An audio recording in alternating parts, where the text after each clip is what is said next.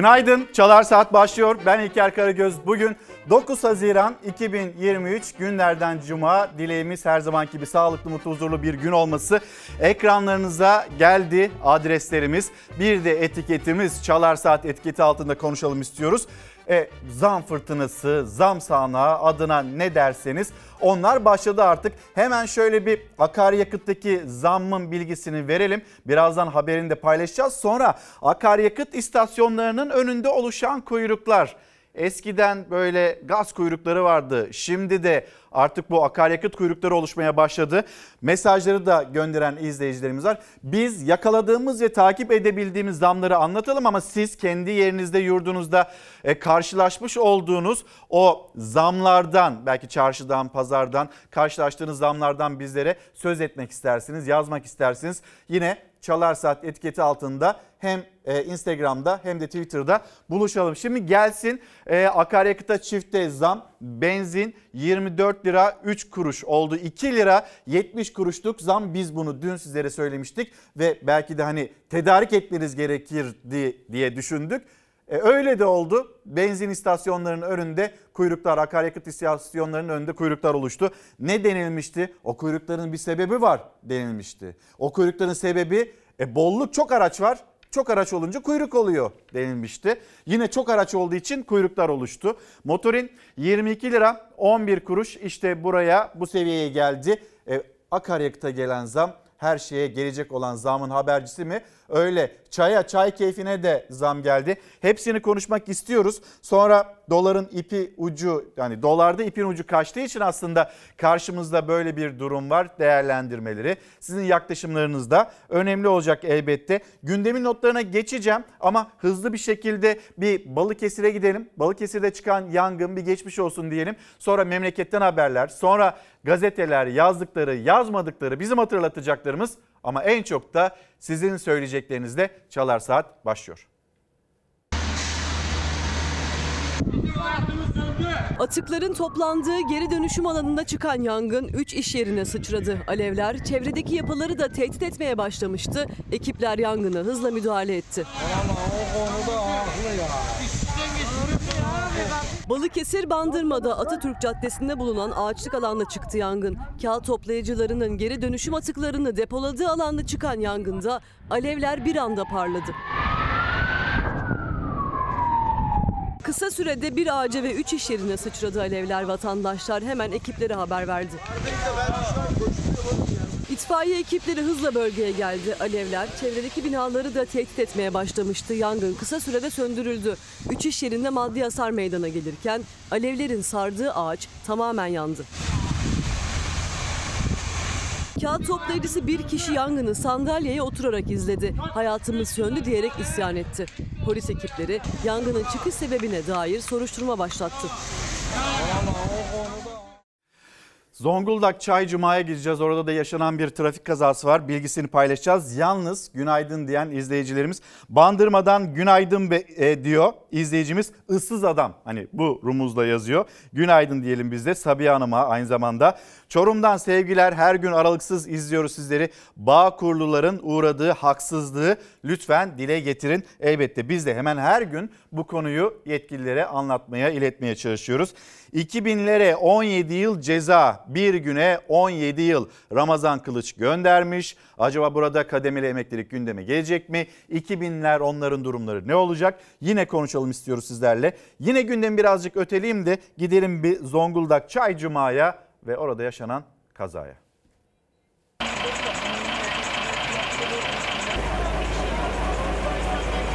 Yolcu otobüsü Bartın'dan Ankara istikametine doğru seyir halindeydi. Zonguldak Çaycuma'da bir otomobille çarpıştı.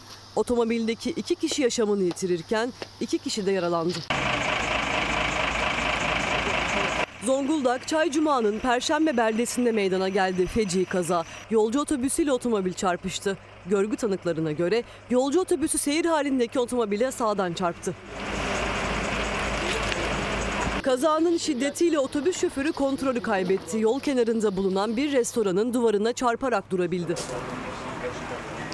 Otobüsle çarpışan araç sahurda yığınına döndü. İçinde bulunan 19 yaşındaki Resul Baş ve 22 yaşındaki Göksel Baş sağlık ekiplerinin ilk müdahalesinin ardından hastaneye kaldırıldı ancak kurtarılamadılar. İki kişinin de yaralandığı kazada yolcu otobüsünün şoförü ifade vermek için gözaltına alındı. Olayla ilgili soruşturma başlatıldı. Birazdan da İstanbul Esenyurt'a gideceğiz. Hatta Hilal hemen gidelim İstanbul'da yol tartışması nedeniyle bir motosikletli şehir eşkıyası servis aracına 3 el ateş etti. Ve bu şehir eşkıyalığının sonrasında 11 yaşındaki bir evladımız. İzleyelim. Üç el patlama sesi duydum. Çocuğun bağırmasını duydum.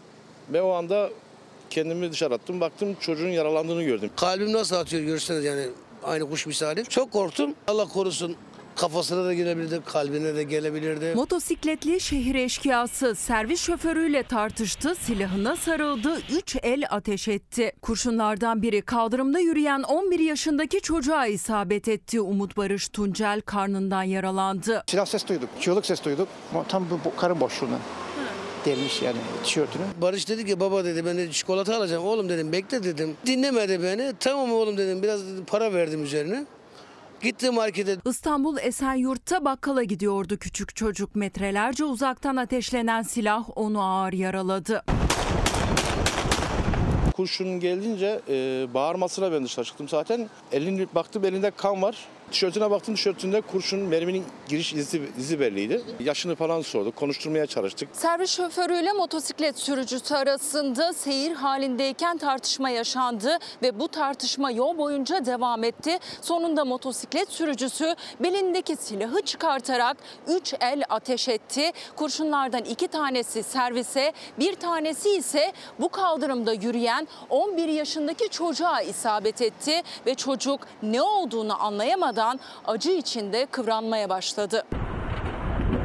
Ne olduğunu bilmiyordu. E, farkında da değildi yani ama işte e, kanı görünce çocuk korkmaya başladı. Servis şoförü koşa koşa buraya geldi. Çocuğa da mı denk geldi dedi. İşçi servisinde yolcu yoktu. İki kurşun servise isabet etti. Motosikletli anında kaçtı. Hala bulunamadı. Servisin şoförü ise hemen üçüncü kurşunun isabet ettiği 11 yaşındaki Umut Barış Tuncel'e yardıma koştu. Sonrasında ambulansla hastaneye kaldırıldı çocuk. Tedavisi sürüyor. Baba Nuri Tuncel o şehir eşkıyasının bulunmasını ve ceza almasını istiyor. birinci yerinde serumla besleniyor şu an. Bir an önce onun yani önlemini alınması istiyorum ve yakalansınlar. Adaleti en ağır bir şekilde ne cezası verilsin. Barış şans eseri hayatta ama o pervasız insan ve onun gibi o davranışı benimseyenler sokakta. Ellerinde, bellerinde o silahlarla çok rahat bir şekilde gezebiliyorlar. İstedikleri gibi o silahları edinebiliyorlar. Düğün oluyor, ateş ediyorlar. Dernek oluyor, ateş ediyorlar. Şampiyonluk oluyor, ateş ediyorlar. Kızıyorlar, ateş ediyorlar. Her yere ateş ediyorlar. Bu insanlar bitmiyor. E başlangıç noktası eğitim. Eğitimle bunlar düzelir diyoruz. Eğitimi de konuşuruz hep birlikte. Ama bir evladımız 11 yaşındaki evladımız orada yolda yürürken karnına kurşun isabet ediyor. Herkesin evladı var. Bir evlat yetiştirmek kolay mı? Doğduğu günden vardırdığınız ya da varmasını istediğiniz yere kadar sürekli etrafında peşinde koşturuyorsunuz. Küçücük ellerini böyle seve seve okşuya okşuya koklaya koklaya büyüttüğünüz çocuğunuz bir ruh hastasının yüzünden sokakta karnına kurşun isabet ediyor. Geçmiş olsun Barış. Bu haberin takibini yapacağız elbette hep birlikte. Ee, gündem notları demiştik bir gazetelere bakalım mı? Gazeteler neyi manşetine çekti? Milli Gazete ile başlayalım dedik bu sabah. 10 günde %20 fakirleştik. Dolar 2 yılda 3'e katlanırken son 10 iş gününde paramız %20 değer kaybetti. Seçimin ardından döviz bir anda yükselişe geçerken Türk lirası da değer kaybetti. 10 iş gününde paramız %20 değer kaybederken akaryakıt başta olmak üzere birçok ürüne de zam geldi. Şimdi akaryakıt zammını konuşalım istiyoruz sizinle. Ee, biz haberimizi hazırladık. Az önce de Çalar Saat'in başlangıcında zaten ortalama İstanbul ücretlerini e, gösterdik. Benzin 24 liranın üzerinde. Sonra motorun yeniden 22 liranın üzerinde zam geldi. Bu güncellemeler devam edecek mi diye sormuş izleyicilerimiz e, Twitter'dan mesela. E, aksini düşünmek herhalde doğru olmayacak. Bu güncellemeler devam edecek. Kurdaki yükseliş sürdüğü müddetçe bu zaten öyle olacak ve öyle de olacaktı. Seçimden sonra bu ülkenin yönetimini kim devralsa zaten böyle bir acı fatura, acı reçete karşımıza çıkacaktı. Yani AK Parti de kazansa, Cumhur İttifakı da kazansa, Millet İttifakı da kazansa biz bu sonucu yaşayacaktık. Yalnız şunu söyleyebiliriz. İşte e, öncesinde faiz sebep enflasyon sonuç diye bir ısrar ve doları tutmak için Merkez Bankası'nın kara gün parasına kadar yakılması o dolarların şimdi piyasaya müdahale edemiyorsunuz. Şimdi rasyonel davranılacak deniliyor Mehmet Şimşek tarafından. Şimdi akıl kullanılacak deniliyor ama geride kalan yıllarda akıl neredeydi diye de e, uzmanlar soruyor. Herkes soruyor. Karşımızda böyle bir pahalılık tablosu. Tekrar e, söyleyelim ve sizden de rica edelim aslında. Bizim yakaladığımız ve paylaştığımız zam haberleri var ama herkes bu hayatı yaşıyor, dışarıya çıkıyor. E, acaba sizin gördüğünüz dünden bugüne, bir hafta öncesinden yine bugüne kadar karşılaştığınız yeni zamlar varsa Instagram'dan da Twitter'dan da bizlere lütfen yazın gönderin. 10 günde %20 fakirleştik. Akaryakıta zam geldi. Akaryakıt istasyonlarının önünde daha önceden bolluk kuyruğu denilmişti. Artık buna da herhalde bunu söylemeye de gerek duymuyorlar. Bir yoksulluk kuyruğu ya da bir tasarruf kuyruğu böyle adlandırmak daha doğru olacak. Benzinde, motorinde zam var.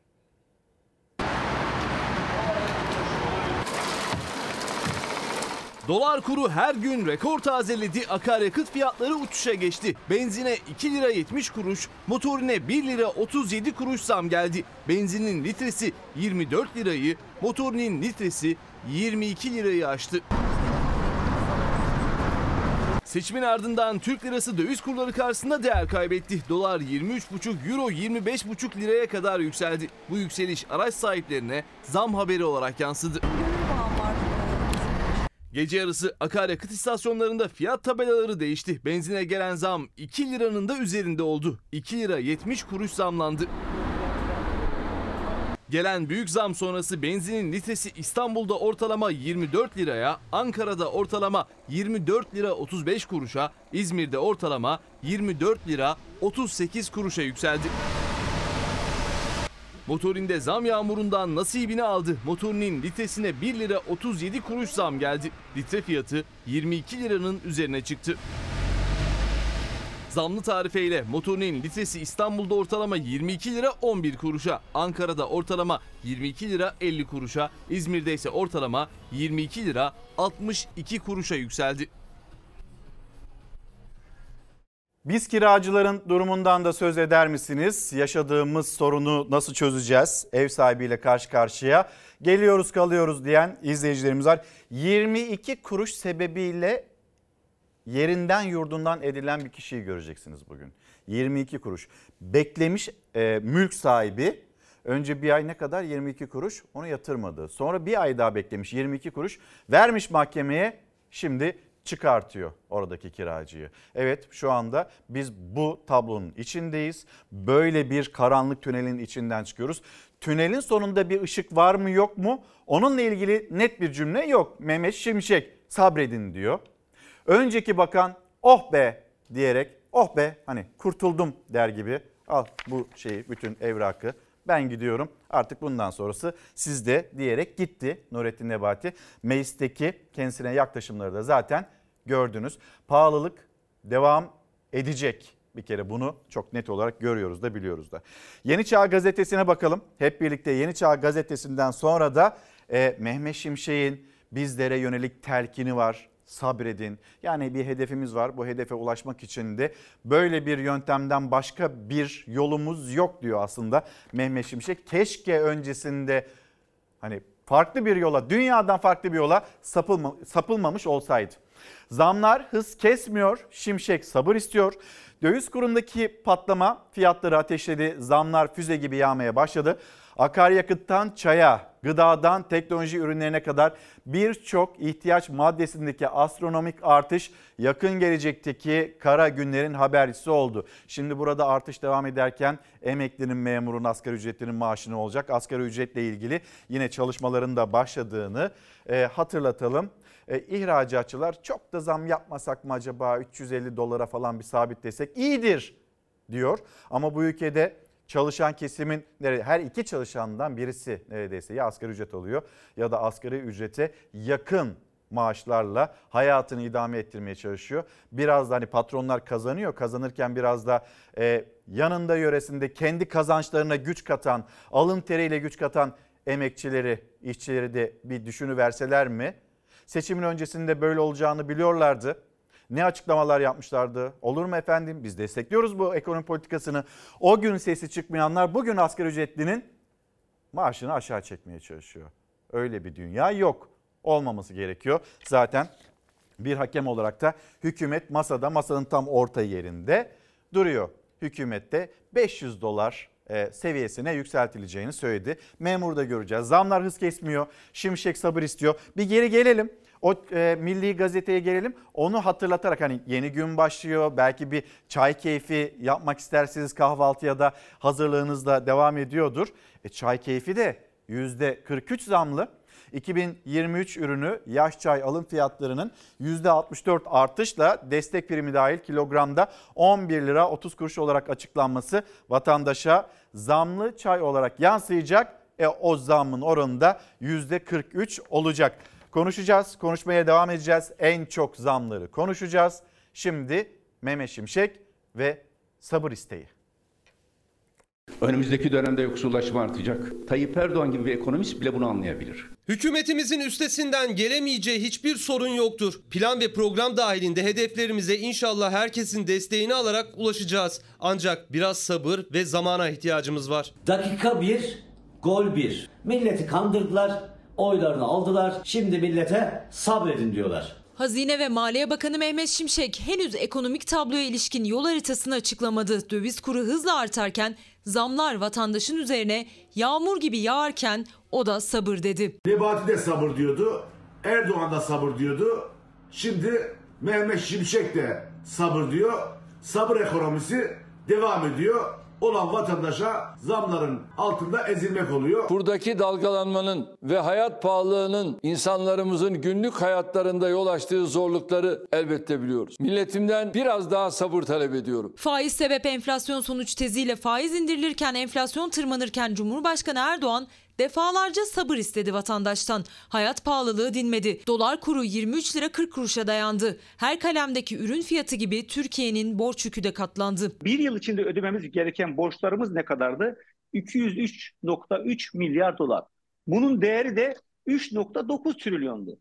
Şimdi ne oldu? 4.9 trilyon ve biz hep beraber 1 trilyon borçlandık. 10 gün içinde Türk lirasının değer kaybı nedir biliyor musunuz? %16, %16. Seçim süresince her şeyi durdurdular. Seçim bitti. Zam zam zam. Ancak biraz sabır ve zamana ihtiyacımız var. Vatandaşın sabredecek hiçbir durumu yok bıçağın kemiğe dayandığı noktadayız artık. Sayın Şimşek de bak kaç gün oldu bir program açıklayacağını söylemesi lazım. Söylemedi. E, sabredin dedi sadece. Acil önceliğimiz ekibimizi güçlendirmek ve güvenilir bir program tasarlamaktır. Sosyal medyadan Türkçe mesajında vatandaştan sabır isteyen Bakan Şimşek İngilizce mesajındaysa acil önceliğimiz ekibimizi güçlendirmek ve güvenilir bir program tasarlamaktır dedi ama henüz oluşturacağı ekibe ilişkin bir adım yok. Merkez Bankası Başkanlığına getirileceği belirtilen Hafize Gaye Erkan'ın ataması da henüz yapılmadı. Döviz kurundaki tırmanış nedeniyle geciktirildiği kulislerde konuşuluyor. Yılın ikinci yarısında muhtemelen stagflasyon, düşük büyüme ve yüksek enflasyon yaşanacak. Temel soru bunun faturasının kime kesileceği. Hesabı yemeği yiyenler değil, son dakikada masaya eklenenler ödeyecek gibi görünüyor. Oh. Siz ok çektik de millet ah çekiyor, ah çekiyor. Zalimler. Merkez Bankası eski baş ekonomisti Hakan Karada Türkiye'nin düşük büyüme, yüksek enflasyon yaşayacağını söyledi. Şimşek öncesi uygulanan yanlış politikaların faturasının Mehmet Şimşek'e kesileceğini. Şimdi Merkez Bankası ile ilgili yeni bir durum var karşımızda. Yan söyleyelim Mehmet Şimşek'in 4 günlük faturası 1 trilyon lira ve bir son dakika olarak da o zaman Merkez Bankası'nın ilk kadın başkanı Hafize Gaye Erkan sizi kendisiyle tanıştıralım. Aynı zamanda Merkez Bankası'nın önceki başkanı Şahap Kavcıoğlu. O ne oldu? Hani piyasalara, iş dünyasına krediyle ilgili yakınan e, kişiler olduğunda Şahap Kavcıoğlu ne diyordu? Alma abi alma diyordu. Şimdi BDDK'nın başına gitti. Yani banka, bankacılık sektörüyle ilgili yaşanan sorunlar ve problemler kendisine iletildiğinde siz bankayı, bankacıları mecbur bırakın demişti Şahap Kavcıoğlu. Hadi bakalım şimdi BDDK'nın başında Şahap Kavcıoğlu piyasayı nasıl düzeltecekler? Merkez Bankası'nın ilk kadın başkanı Hafize Gaye Erkan.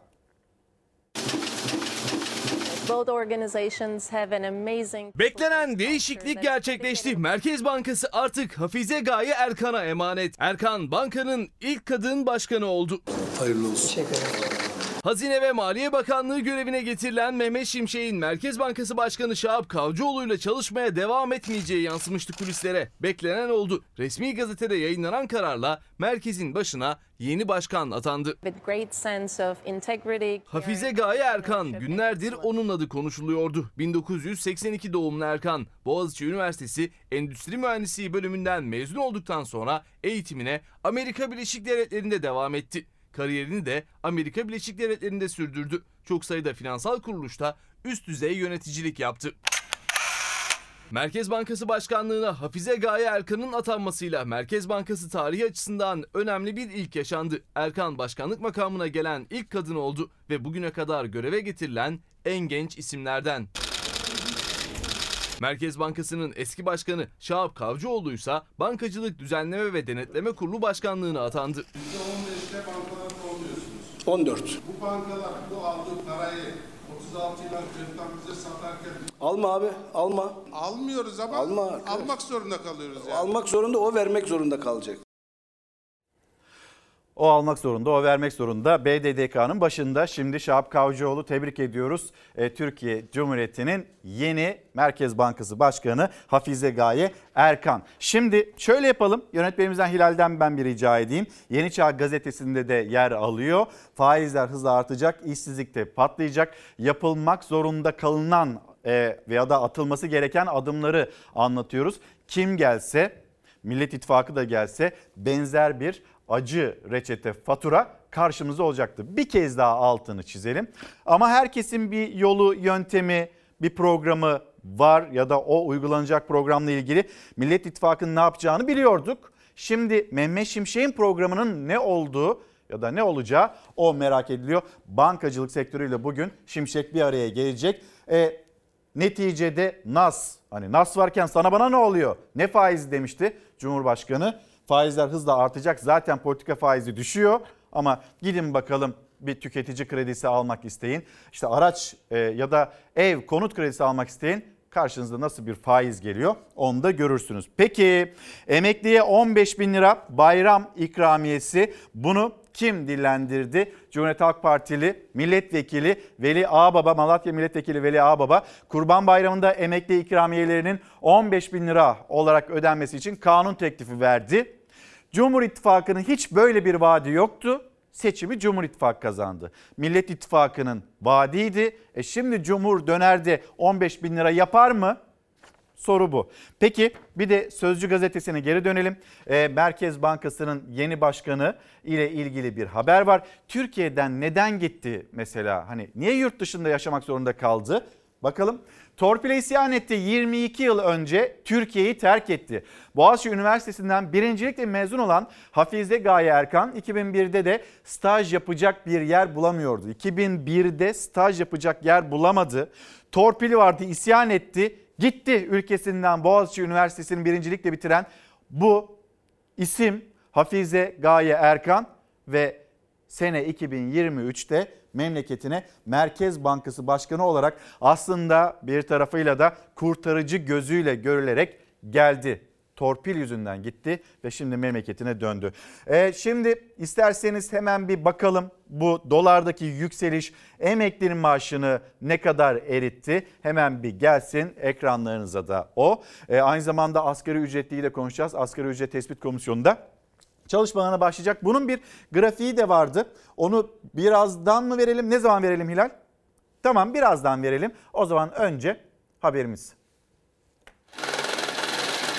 Yeter mi emekli maaşı hanımefendi? Yeter mi? Yetmez. Dolar olmuş 23 lira mı olmuş öyle bir şey. Geçecek bir durum kalmadı. 87'de emekli oldum. 7,5 lira maaş alıyorum. En düşük emekli maaşı 7500 lira. Zaten emekli açlık sınırının altındaki maaşıyla geçinmekte zorlanıyordu. Dolardaki yükselişle birlikte daha da eridi maaşı. Seçimin ilk turunda dolar 19 lira 60 kuruştu. 23 lira 56 kuruşla yeni zirvesini gördü. 7500 liralık emekli maaşı 25 günde 64 dolar eridi. Vallahi ben bir bakkala çıkıyorum, giriyorum 300 lira harcıyorum. Eşim de emekli, ben de emekliyim ama yeterli bir para kazan kalmıyor. Eşim, kızım sağ olsun o yardımcı oluyor. Peki dolardaki artış böyle fiyatları etkiliyor? Saçlarım ürperdi. Söyleyecek kelime bulamıyorum. En düşük emekli maaşı olan 7500 lirayı alan da onun biraz üzerinde aylığı olan da Temmuz'da alacağı zammı bekliyor ama daha zam açıklanmadan o zam dolar karşısında erimeye başladı bile. Yetmiyor. Daha zor. Bir pazar 600 lira. Eskiden bu kadar gidiyor muydu? Ne olacak bu insanlar? Taksi parası var 150 lira. Konuşmak çok kolay da hiçbir şey meydanda yok.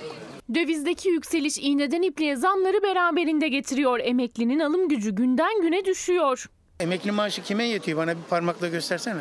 Alım gücü ya pazara çıkan anlıyor. Ben eskiden 150 lirayla pazar çıkardım. Şu anda 700-800 lira yetmiyor. Emeklilerimizin bayram ikramiyesini 2000 liraya çıkardı. Şimdi bu rakamı daha da yukarıya çıkarmanın inşallah hesabı içerisindeyiz. 2000 liralık bayram ikramiyesi de artık 100 dolar bile etmiyor. Ramazan bayramında 103 dolardı 84 dolara geriledi. Artması gündemde ama bayrama sayılı günler kala hala net bir açıklama yok. CHP ise emeklilere kurban bayramında 15 bin lira ikramiye ödenmesi için kanun teklifi verdi. Ne yapacağız 2000 lira? Torunlara vereceğim. Tabii kurban kesmek istiyorsanız. Kesemeyiz. O parayla kurban kesilir mi yavrum? Çalışırsak çalıştığımız zaman da sıkıntı olmuyor. Yani çalışıyoruz. Emekli olduğunuz halde çalışıyor musunuz? Çalışıyoruz evet. Emekli maaşıyla yetinemeyiz tabii ki. Şimdi emekliyi konuştuk, konuşmaya devam edeceğiz. Birazdan Sözcü Gazetesi yazarı Deniz Zeyrek, Deniz abi de burada olacak. Yani hem siyasete bakacağız ama daha fazla böyle Nurettin Nebati oh be deyip gitti ya ve sonrasında bir enkaz kaldı. O enkazı geride kalanlar ve şu anda direksiyonun başına oturanlar nasıl kaldıracak ve bu pahalılık en çok da bunu konuşacağız. Şimdi bir de asgari ücretler diyelim. Asgari ücretle ilgili beklentiler var elbette maaş artması ama önemli olan maaşın artması mı, alım gücünün artması mı? Yetmez. Günümüz şartlarında şu anda yetmez. Çünkü her şey ateş pahası biliyorsunuz. Ev kiraları aldı başını gidiyor. 15 aslında gönül ister daha fazla olsun ama 15 normal olması gerekiyor. 15 bin olsa bile yetmiyor ki. İnsanlar hak ekmek kuyruğuna girip insanlar aç. Yetmiyor. Yani ben şu an tam olarak bilmiyorum ama 15 bin ama 20 bin olsa ne olur? 15 bin olsa ne olur? Yine yaptığı tüm zam yine e, şey enflasyon tarafından yutuldu. Şu an kimsenin tek maaşla çalışarak evi geçirmesi mümkün değil. Asgari ücret en azından 15 olması gerekir. 14-15 olması o da yetmez ama hadi varsa halim öyle olsun yani. Yetmez. Mümkün değil. Hele bir de kiradaysa adam yandı. Yetmez, mümkün değil. Bu iş, e, ücretten geçinebilmesi için asgari ücrete zam olmaması lazım. Enflasyonu düşürmesi lazım. Bizim istediğimiz o. Ne kadar çünkü çok yüksek rakamlarda e, asgari ücrete zam geliyorsa her şeye de iki katı zam geliyor. İstediği kadar zam yapmışsın yani. İsterse maaşı 20 bin liraya yapsınlar. Veremedikten sonra ne olacak? Valla Temmuz'da herhalde bir 11-12 bin lirayı bulur yani. Yapacağı asgari ücrete göre. Sonrası her şeye zam gelecek. Devlet artık buna gerekli devlet yapacak çalışan veya çalışmayan grubu değil. Artık aileler hakikaten zor günler yaşıyoruz şu anda. Ben de asgari ücret çalışıyorum. 12 saat çalışıyorum bir de. Artı mesai. 12 saat yatıyorum kalkıyorum işe gidip gidiyorum. Aldığım para 13 lira para. Mümkün değil maalesef. Asgari ücrete iyi bir zam verilmesi lazım. Ama vermezler bu belli. Bugün bir ekmek 5 liraysa 10 liraya çıkacak. 3 gün sonra, 5 gün sonra. Gidişatımız hiç iyi değil. Allah hayırlısını versin. Yolcu 89 hmm, Yolcu 8899. Allah aşkına sürekli kara haber vermekten bıkmadınız. İçimizi karartıyorsunuz. Elinize ne geçiyor? Seçimi kaybettiniz diyor izleyicimiz. Peki ama haberler bunlar. Ne yapmamızı istiyorsunuz? Eğer size fazla geliyorsa, ağır geliyorsa hemen şimdi kumandayı elinize alın. Başka kanala geçin. Değiştiriverin. Görmeyin. Siz başka yere gittiğinizde bu zamlar sizi takip etmiyor olmayacak bu arada. Yine zam geliyor olacak. Önümüzdeki günlerde de zam gelecek. Ve hani tam olarak haberden anladığınız, kastettiğiniz, görmek istediğiniz nedir? Yolcu 8899 onu da bize yazıp gönderirseniz çok sevinirim. Ama memleketin haberleri bunlar. Siyaset için de öyle vereceğiz. Ne oluyor ne bitiyorsa. Ekonomiyle ilgili de paylaşacağız elbette. Ama gerçekten hani yeni güne başlarken bu kadar zam haberi ağır geldi bana diyorsanız hiç yormayın kendinizi. Zihninizi, aklınızı, kalbinizi, vicdanınızı hiç yormayın. Değiştiriverin. Kapatın burayı. Devam edelim. Şimdi paramız ne hale geldi? Yolcu 88.99 bakın bir kara haber daha var. Onu da paylaşayım. 200 liramız 14 yılda pul oldu. Sözcü gazetesi bir bakalım hep birlikte. Bir maalesef dediğimiz durumda dünyada hiçbir ülkenin parası bu kadar hızlı değer kaybetmedi. 200 liraya 74 litre benzin alınıyordu. Şimdi 9.2 litre benzin alınıyor. 200 liraya 15 kilogram et alınıyordu. Şimdi 0.5 0.5 bir değil. Bu kadar et alınıyor. 200 liraya 20 kilogram kıyma alınıyordu. Şimdi 0.75. 200 liraya 100 ekmek alınıyordu. Şimdi 40 adet alınıyor. Ekmeğe de önümüzdeki günlerde zam gelecek. Yolcu 88.99. 200 liraya 18.3 kilogram peynir alınıyordu. Şimdi 1 kilogram alınıyor. Şimdi neden böyle söylüyorum? Hani sürekli halının altına süpürülmüş bir ekonomi, makyajlanmış bir ekonomi vardı ama herkesin de bildiği bir sır. O da seçimden sonra e, bu zam yağmurunun başlayacağına dairdi. Şimdi yine aynısını mı yapalım? Görmezden mi gelelim? Yaşadığımız tüm sıkıntıları başka başka haberler verip öyle mi davranalım? Farklı programlara insanların yüzünü çevirmesini sağlayalım da gerçeklerden mi uzaklaştıralım?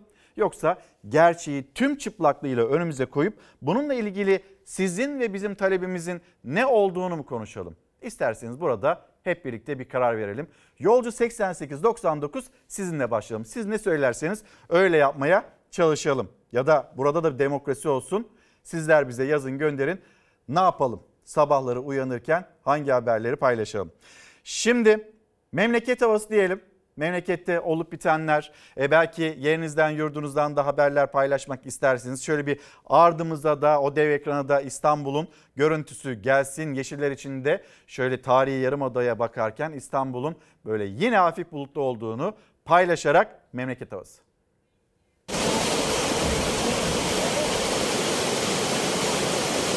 50'ye yakın ev, 15'e yakın iş yerine sular bastı. Hayvan teleflerimiz var, araç, hasarlı araç aracımız var. En sonunda bir tane yaşlı teyzemizin hayatını kurtardık. Yaşlı bir kadın neredeyse canından olacaktı su baskınında. Sağnak yağış hayatı felç etti, evler, iş yerleri suya gömüldü. İlçede hayat durma noktasına geldi.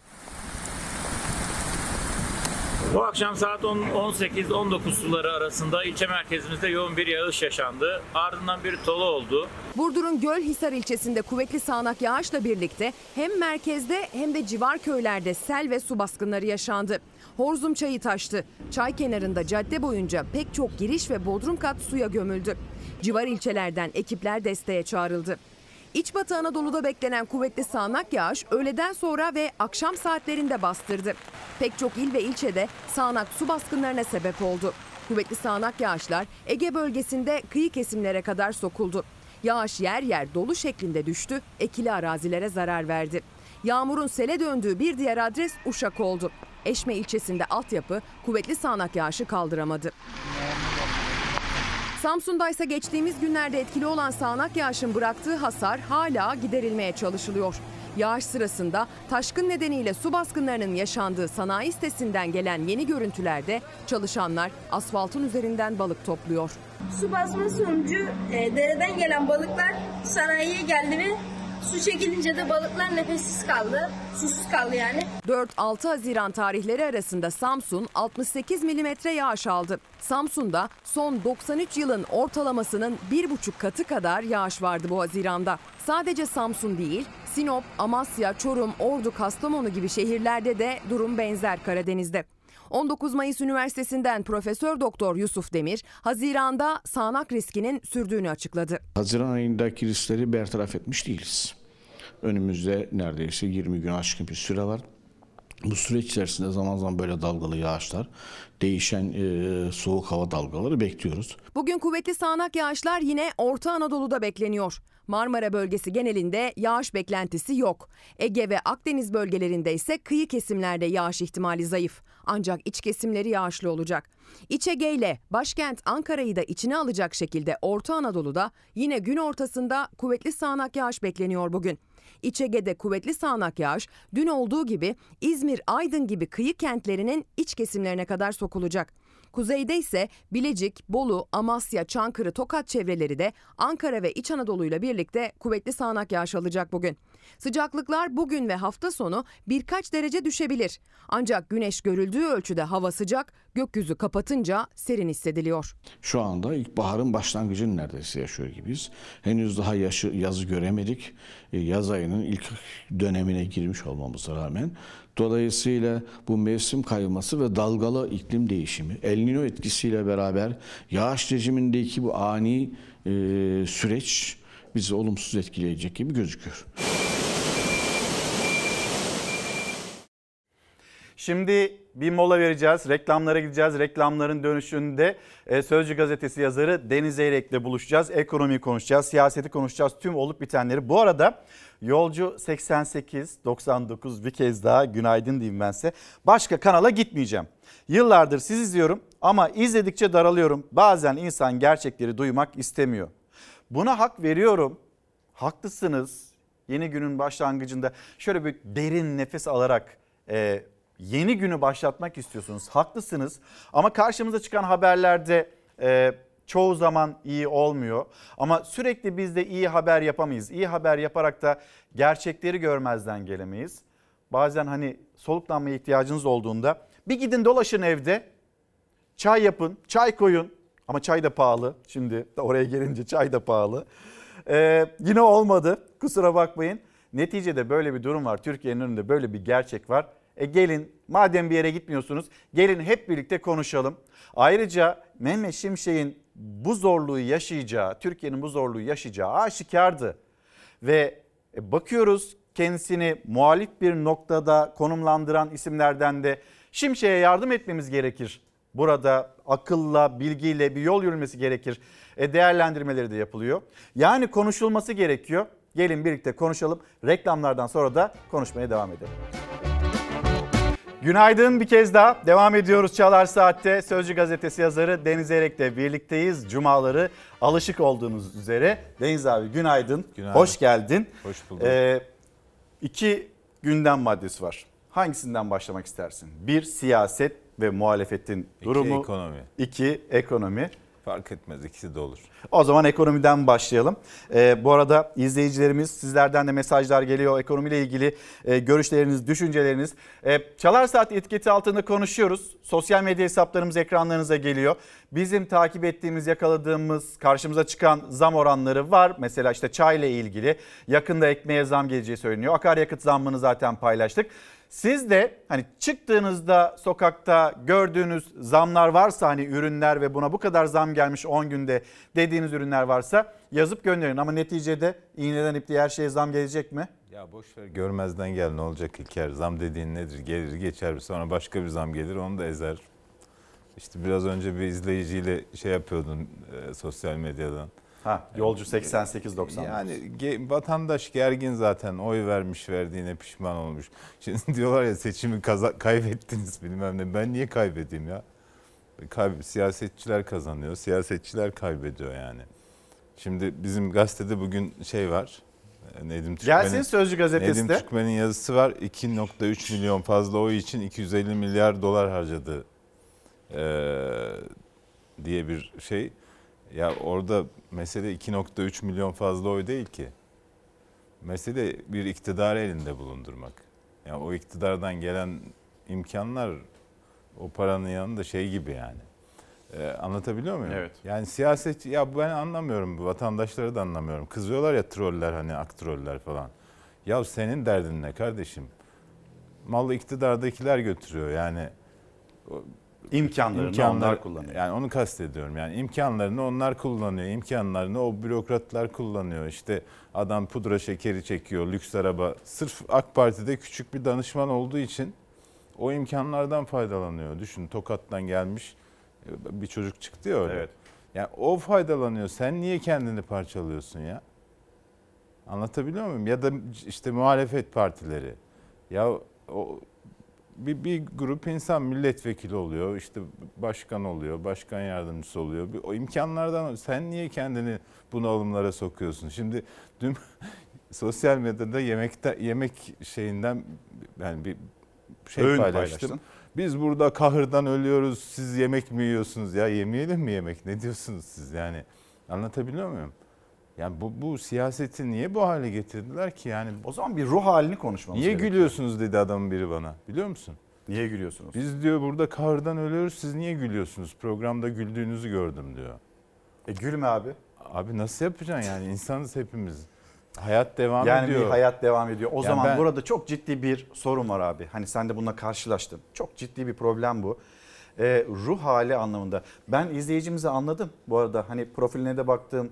Ee, doğa, Ya gitsin dağ, dağlarda, taş, dağlarda. Ben öyle hani yapıyorum Öyle geziyor, hafta. dolaşıyor. Ağır geliyor. Belki de görmek istemiyor. Anlıyorum. Ve bu durumda olan pek çok kişi de var. izleyici de var. Bu ülkenin vatandaşları var. Fakat bir yandan da bu işin e, ve bu ülkenin gerçekleri var. Ya öyle yani şöyle bir gerçek var. Üzücü olan kısmı o. Yani birileri e, e, hani bir öğrenilmiş çaresizlik içinde işte sosyal yardımlar şunlar bunlar e, onlarla hayat devam ediyor ve başka bir hayat e, şeyi yok. Yani çocuğumu okutayım, iyi yerlere gelsin, ben bir tık yukarı çıkayım, yaşam standartım biraz artsın Bu hayali falan kuramıyor. gibi bir hayali bile kalmamış bazı insanların. Ama netice itibariyle birlikte yaşıyoruz. Yani bu ülkede bu bu millet e, şey değil. Demokrasi böyle bir şey. Herkesin yönetim konusunda eşit söz hakkı var. E, Ve bu iktidarı tercih ediyor. Bu- Bu iktidarın yanlış kararları yüzünden herkes etkileniyor. Yani iktidar evet kendini kendine oy verenlerin iktidarı sayıyor ama ee, ama kararlarından 85 milyon etkileniyor. Böyle bir kötü tarafı var. Evet. E, Bundan dolayı kaybeden tarafta olanlar, kaybeden tarafı oy verenler mutsuz olabilir. Ama yani şimdi Kemal Kılıçdaroğlu kaybetti diye siz niye bunalıma giriyorsunuz ki yani? Kemal Kılıçdaroğlu'nun hiç öyle bir şeyi yok. Yine ku- kurultaya giriyor, yine genel başkan oluyor. Eleştiriler çok da umrunda görünmüyor. Kemal Kılıçdaroğlu'nun milletvekili yaptığı adamlar şeyde meclis kulisinde gördüm. Elleri ceplerinde böyle göğüslerini kabarta kabarta dolaşıyorlar. E şimdi vatandaş niye bunun karnını çekiyor? O onun umrunda bile değil. Anlatabiliyor muyum? Evet. Yani bu siyasetle bu kadar iç içe olmak herkesin kimyasını bozdu. Herkesin Dünyanın başka bir yerinde var mıdır bu kadar siyaseti takip eden? Ben görmedim. Bak ben diplomasi muhabirliği yaptım. Dış politika muhabirliği yaptım. Yani e, dış haberlerde çalıştım. Yüzden 120'ye yakın ülkeye gittim. Bu bizim ülkedeki kadar abartılan birkaç tane şey var. Üçüncü dünya ülkesi var yani bu siyaset meselesi. Milletin siyaset için birbirini vurduğu, öldürdüğü işte orduda gördün. Evet. Yani bu kadar kolay olur mu bir ölüm ya? İyi Parti'nin önünden geçiyorsun. İyi Partili vatandaşı orada bıçaklayıp öldürüyorsun mesela. Seçimden bir gün sonra yaşandı ya. Ya bu nedir yani siyaset için bir insan başka bir insanın hiç tanımadığı bir insanı durduk yerde öldürür mü? Ya biz niye kendimizi bu kadar siyasetin içine... Ben bu seçimden bu dersi çıkardım İlker. Bir, dağa gitme, daha fazla Dağa git- doğayla iç içe olma, Dağa nefeslenme, ötesinde. soluklanma. Daha gitmenin ötesinde kendi hakkımı ararım. Benim temel insan hak ve özgürlüklerim var. İfade özgürlüğünden tut da. Anlatabiliyor muyum? Evet.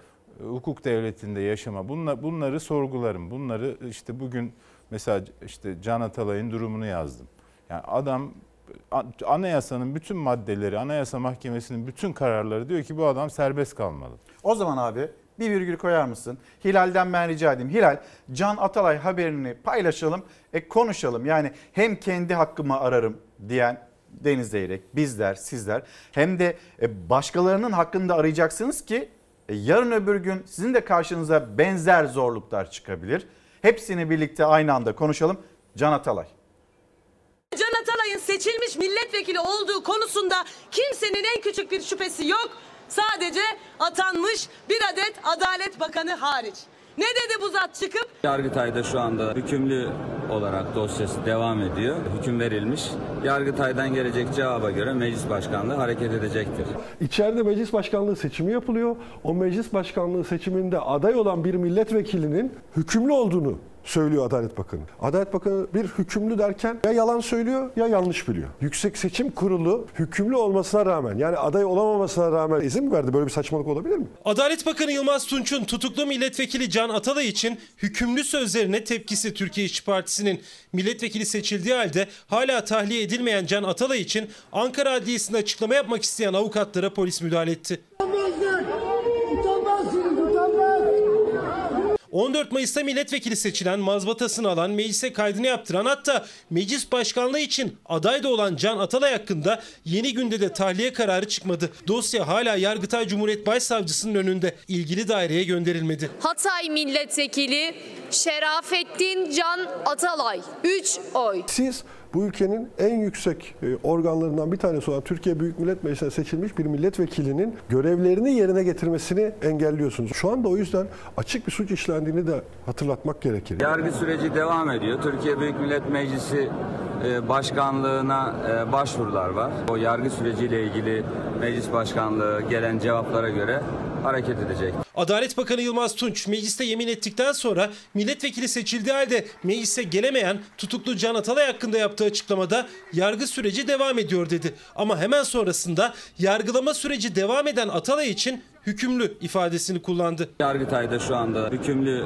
olarak dosyası devam ediyor. Yalan bir. Can hükümlü falan değil. Can hukuksuz bir dosyada esir olarak tutuklu bulunuyor şu anda Silivri zindanlarında. Gezi davası anayasal düzenle alakalı bir konu. Anayasanın 14. maddesindeki dokunulmazlık kapsamı dışında olan dosyalardan. Henüz kesin hükmü verilmemiş iken 14. madde kapsamına girip girmediğini nereden biliyorsunuz? Kendinizi niye mahkeme yerine koyuyorsunuz? Yoksa mahkemeye bir Adalet Bakanı olarak bir talimat mı veriyorsunuz? Anayasanın 83. maddesi seçimden önce veya sonra bir suç işlediği öne sürülen bir milletvekili meclisin kararı olmadıkça tutulamaz, sorguya çekilemez, tutuklanamaz ve yargılanamaz hükmünü içeriyor. 14. madde ise dokunulmazlık kapsamına giren suçları düzenliyor.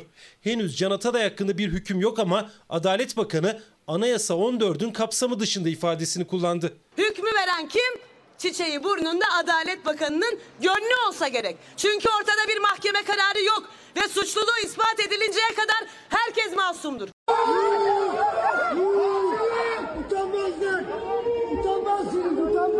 Hatay Milletvekili Can Atalay'ın serbest bırakılması, meclis çalışmalarına katılabilmesi için avukatlar birçok ilde basın açıklaması yaptı yine. Ankara'da adliye önündeki açıklamaya polis müdahale etti. Orada yaşanan da arbede Can Atalay niye tutuklu? Ya o bile yani tutuklu olmanın gerekçesi bile absürt. Yani saçma sapan bir süreç işledi biliyorsun. Osman Kavala alındı, Gezi davasından beraat etti, bırakıldı. Sonra casusluktan tutuklandı. Sonra o, oradan beraat etti. Bu sefer tekrar Gezi davası. Yani birileri orada bun, bunları e, işte şey yapıyor, hesap soruyor. Yani hukuk devletinde olacak bir şey değil bu dava. Yani davanın içeriği de şey de ama burada çok Gelelim net, milletvekilliğine o zaman. Burada çok net bir şey var. Yani geçmişte bir sürü ben bugün yazımda hepsini toparladım İlker. Hı. Sana isimlerini söyleyeyim mesela. Birkaç Söyle tane. 2007'de Sebahat Tuncel seçildi, serbest kaldı. 2013'te Mustafa Balbay'ı serbest bırakmadılar milletvekili seçilince. Anayasa Mahkemesi'ne gitti. Anayasa Mahkemesi seçilme ve temsil hakkı ihlali gerekçesiyle Hak gaspı. ser- serbest bırakılmasını istedi ve serbest bırakıldı. 2014 yılında Faysal Sarıyıldız, Selma Irmak, Kemal Aktaş, HDP'liler aynı şeyi yaşadılar. Serbest bırakılmadılar Anayasa Mahkemesi. Sarı Yıldız kararında bak ne diyor? Seçilme ve milletvekili olarak siyasi faaliyette bulunma hakkına yönelik bu ağır müdahalenin ölçülü ve demokratik toplumun düzeninin gereklerine uygun olduğu söylenemez diyor. Ya ölçülü ve demokratik toplum ge- gereklerine uygun bir uygulama değil bu. Yani bırak davanın absürtlüğünü. Bir milletvekili ya Hatay'da deprem geçirmiş, felaket yaşamış bir şehirde 80 bine yakın insan ben bunu vekilim olarak seçiyorum diye tercih yapmış ve milletvekili seçmiş. Göndermiş meclise. Evet. Millet iradesi dediğin şey işine gelince millet iradesini baş tacı yapalım. Muhalefete gelince millet iradesinin hiçbir şeyi yok. E, Adalet Bakanı da ya biraz hukukçu yani. Hem e, şeyde BTR'de Engin'in sesinden çok güzel özetlemiş yani. Hem diyorsun ki yargı süreci devam ediyor hem de diyorsun ki hükümlü. Ya hüküm Yargıtay'daki karardan sonra kesinleşir. Yani Yargıtay kararını verir o zaman tam hükümlü dersin. Hükümlü olsa anayasanın kaç 57. maddesi galiba tam hatırlamıyorum ya da 67. madde olabilir. Milletvekili seçilme yeterliliğini belirleyen şey bir madde.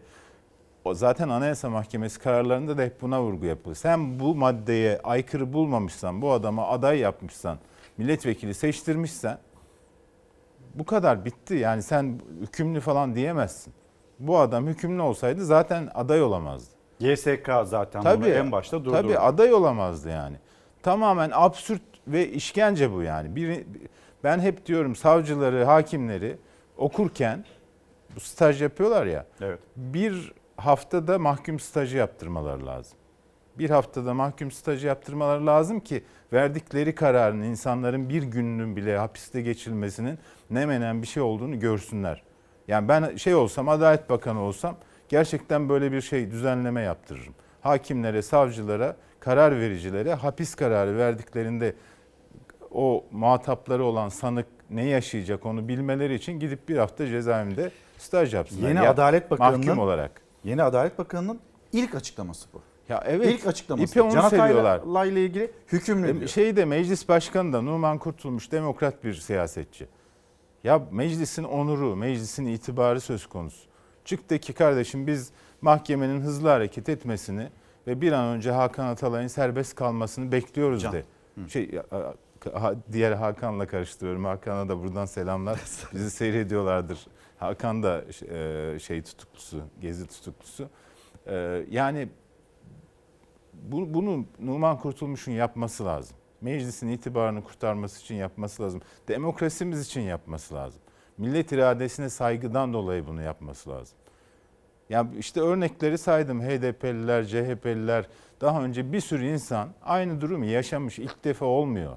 Bir, bir gün bile fazladan tutarsan e, o insanı cezaevinde ona işkence etmiş oluyorsun. Özgürlüğünü kısıtlamış oluyorsun. Ne gerek var? İşte bunu diyorum ben. Yani biz bunun için ben mücadele ederim. Bu temel insan hak ve özgürlükleri. Ama şimdi siyaset başka bir şey. Ya kazanamamışlar ne yapalım? Elinden geleni yaptı diyoruz değil mi? Kemal Kılıçdaroğlu elinden geleni yaptı. Ama halkımız e, teveccüh göstermedi. Yani e, bir de Ya da %48'de kaldı. ya 25,5 milyon insan kendisine oy verdi ama diğerine de 27 küsür milyon insan oy verdi. O kazandı. Ya böyle bir tablo var. Şimdi e, aynı ülkede yaşıyoruz. Demokrasi işte bağımsız seçim böyle bir şey. Ha çaldılar, çırptılar vesaire falan diye yorum yapanlar da oluyor. E, bunun kanıtı var mı elinizde? Elimizde varsa koyalım, hesap soralım. Yani muhalefet gerekçe olarak bunu gösteriyorsa kanıtını koysun biz de gazeteciler olarak iktidardan hesap soralım. Diyelim ki sen bunu yaptın, bunu yaptın, bunu yaptın.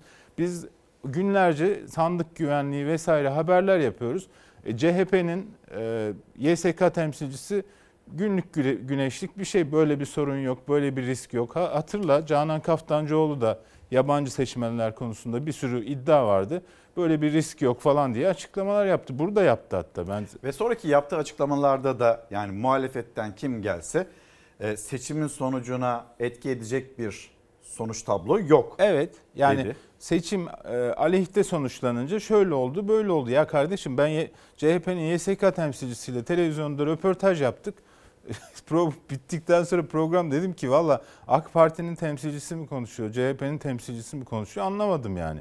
Bu kadar bir övgü yani sistem bu kadar sağlam e, orada kaçak olmaz burada kaçak olmaz. E şimdi biz niye kendimiz şey yapalım İlker?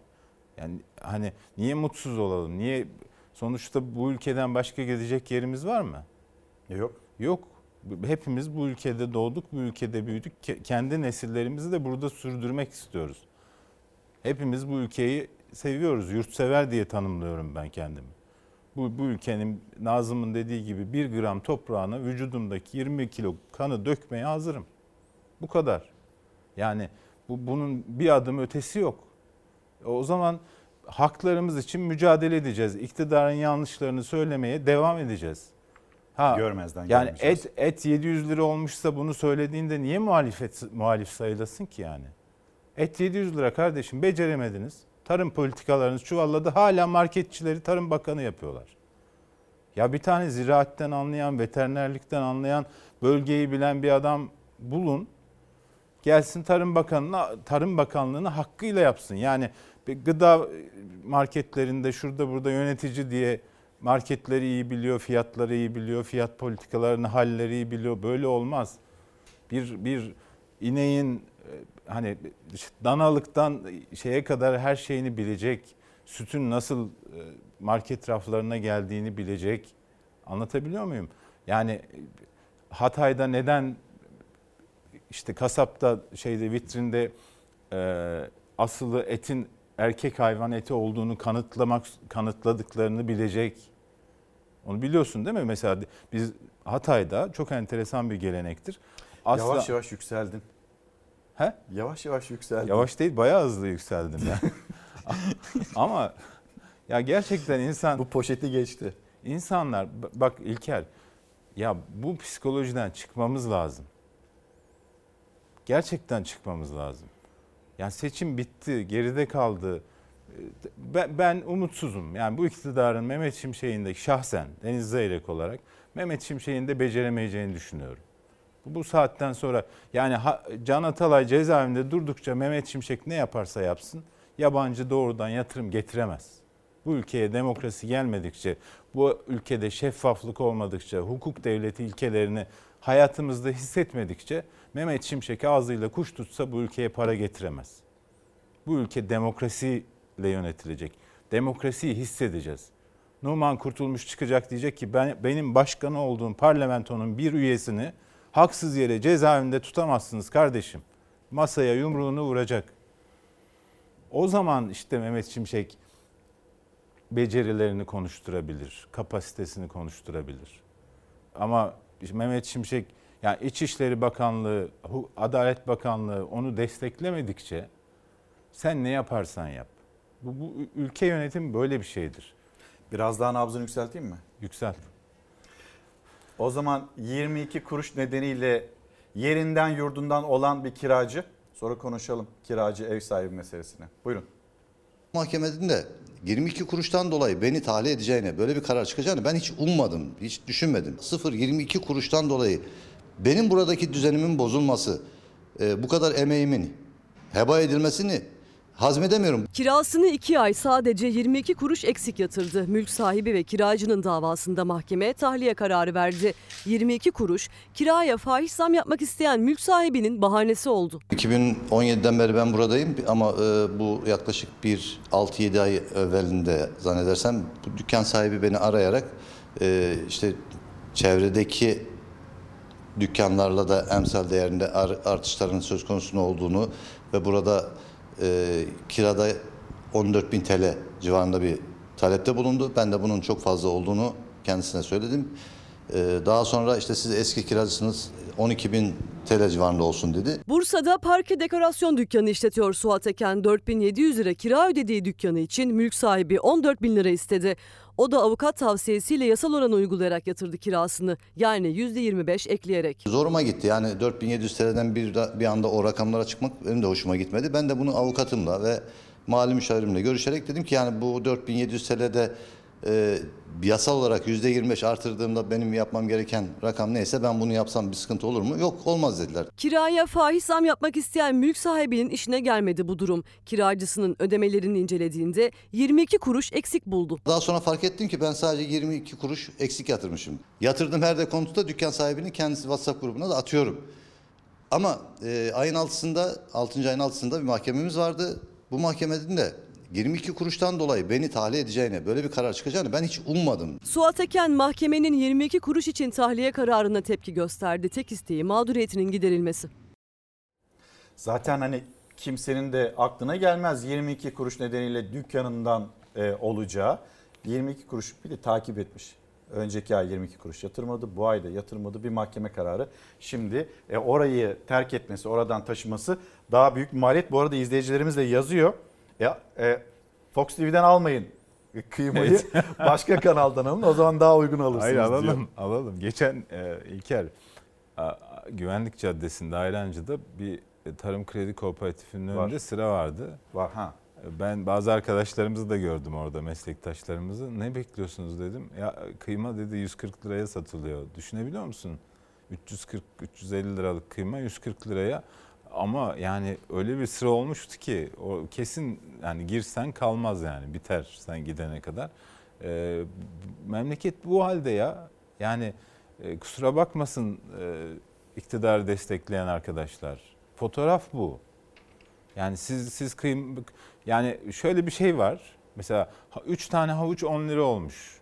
Biz burada yakınıyoruz ya vatandaşı düşünerek. Ya vatandaş havuç yemeyerek bu sorununu çözüyor.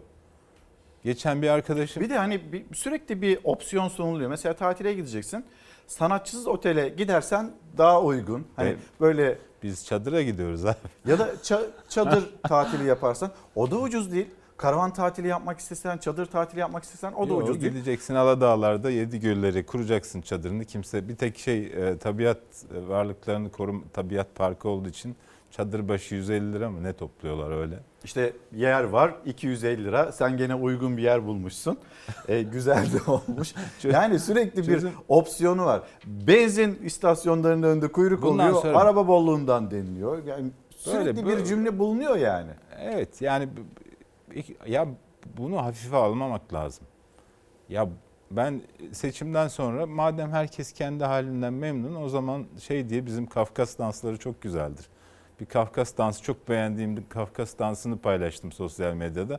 O zaman dans yani madem herkes memnun Tayyip Erdoğan'dan ve Oh be dedim mi bir de? He? Oh be ben dedim mi? diyemedim ama yakıştırdım kendisine Sayın Bakan'ın. Ee, ya İl- İlker e, ge- geçen mecliste bu eski bakanları gördüm. Koltukların gitmesi çok e, acı olmuş onlar için. Nasıl? Ya böyle bir yüzler asık. Kimi gördün? Hepsini gördüm. En Şimdi- çok kime acı olmuş? Süleyman Soylu mesela eskiden gelirdi böyle ortalık şey gibi. Şimdi biz bir grup gazeteci konuşurken yanımızdan geçti böyle hiç böyle koştu öbür taraftan yeni bakanlar geçti böyle bir insan seliyle geçtiler böyle. Bu, bu siyaset böyle bir şey işte. Yukarıda da Fatoş ay yazık diyor. Üzülme E öyle yani bu bir bayrak yarışı. Ya evet. Belki devir belki teslim, işte yazık denilecek bir şey değil. Gençlik Bakanı gibi belki yeniden bakan olur. O zaman da demeyiz yani. O da hatırlar mısın Osman Bak Gençlik Bakanıydı. Evet. O da görevden hani ayrı kaldığında onun için de aynı hissi yaşamıştık ama döndü bak. Yani mümkün iyi çalışsın. Bağlılıklarını biat şeyinde eksiklik bırakmasın. Döner yani ne olacak? Binali Yıldırım'ın koltuk elinde kaldı ama. Yani o başbakanlıktan beri tam bir dikiş tut- tutturamadı orası. Bir genel başkan vekilliği falan orası devam etti ama istediği yerler bir istediği bir yer var ama oraya ulaşamadı. Ya ben bildiğim kadarıyla Cumhurbaşkanı yardımcılığını ama böyle aktif yatırımcı işte vesaire falan hani bakanların üzerinde bir e, şey istiyordu. Onu yapamadılar. Çünkü şu andaki Cumhurbaşkanı yardımcılığı pozisyonu eski başbakanlıktaki müsteşarlık pozisyonu gibi. Evet. Yani işin kamu düzenini e, şey yapıyor. Yani bürokrasinin kontrolü, devletin hani devlet yapısının kontrolü orada oluyor. O da müsteşarlık gibi bir iş. Binali Bey herhalde ondan dolayı ba- Cumhurbaşkanı yardımcılığını istemedi. Bugün neyi konuşmadık? O da çok önemli. Merkez Bankası'nın e, başkanı Evet onu sen de şey yaptın bizim Sözcü gazetesinden de Sultan okudum. Uçar Torpil yüzünden memleketini terk etmek zorunda kalmış. Şimdi kurtarıcı gözüyle de e, yine ülkesine döndü. Hizmet etme fırsatı yakalayacak. Benim kendisine şahsi bir tavsiyem var. Bizi Nedir? dinlerse e, bavulunu fazla boşaltmasın. Yani Nasıl? gel 21 yıl önce bu yüzden gitti. Geldiği ülke 21 önceki 21 yıl önceki ülkeden çok farklı değil. Yine adım atarken, karar alırken vesaire canını sıkacaklar. Siyaset Türkiye'de böyle çünkü. Ee, onun her istediğini kabul etmeyecekler. O şimdi Avrupa şey Amerika görmüş, e, medeni ülkelerde çalışmış profesyonel biri. Burada öyle işlemiyor. Şunu yapalım diyecek. Aa, bu işte faiz nas falan bununla çelişiyor falan diyecekler. Canı sıkılacak. Onun için hani e, ofisine çok fazla kişisel eşya taşımasın. Benim şahsi şeyim. Sonra toplayıp tekrar almak zor oluyor. Bavulunu da fazla boşaltmasın. Yani Türkiye öyle e, 2001'dekinden çok da farklı değil hatta geri gitti. Yani çalışma koşulları açısından, medeniyet bakımından 2001'den biraz daha şeydeyiz. Şimdi diyor ya ben staj bulamadım. Şimdi mülakatlar var böyle giriyorsun en yüksek puan alarak giriyorsun. Referansı olan sen senin yarı puanını alsa bile mülakatta senin puanını yarıya düşürüyorlar. Onunkini iki katına çıkarıyorlar onu alıyorlar. Böyle bir ülkeye döndü. Hayal kırıklığı yaşamasın. Benden Deniz Zeyrek abi tavsiyesi. Aramızda 10 yaş var dolayısıyla böyle bir şey söyleyebilirim. Ee, öyle Deniz yani. abinin kırmızı çizgisini de hatırlatalım yeni ekonomi yönetimine. Poşet mi? Poşet. Evet artırmasınlar. Abi teşekkür ederim. Sağ ol. Bugün orta sayfa e, günü. E, Fox Haber Genel Yönetmeni Doğan Şentürk moderatörlüğünde orta sayfa Türkiye'nin deneyimli gazetecileri yine bir araya gelecekler, yan yana gelecekler. Memleketin gündemine bakacaklar. Deniz Eyrek'le konuştuk. Tekrar teşekkür ediyorum. Şimdi sıradaki haber şaşırtıcı bir haber. Beraber de izleyelim. Aksaray'a götüreceğiz sizi.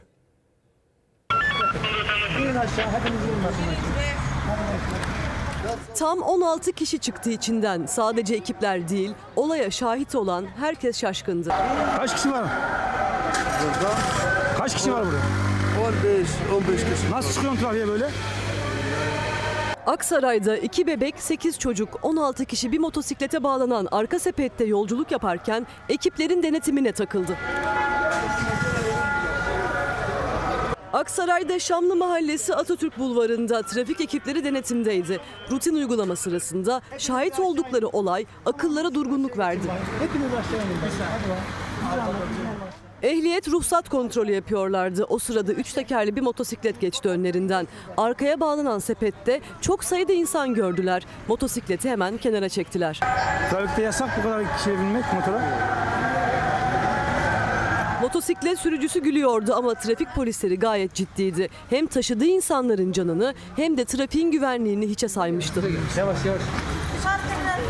Üç tekerli motosiklet ve arkadaki sepetinde iki bebek, sekiz çocuk toplam 16 kişi vardı. Rahat tavırlar sergileyen motosiklet sürücüsüne ekipler 16 bin lira ceza kesti. Kuvvetli yağış ve Karadeniz'de peş peşe yaşanan he heyelanlar.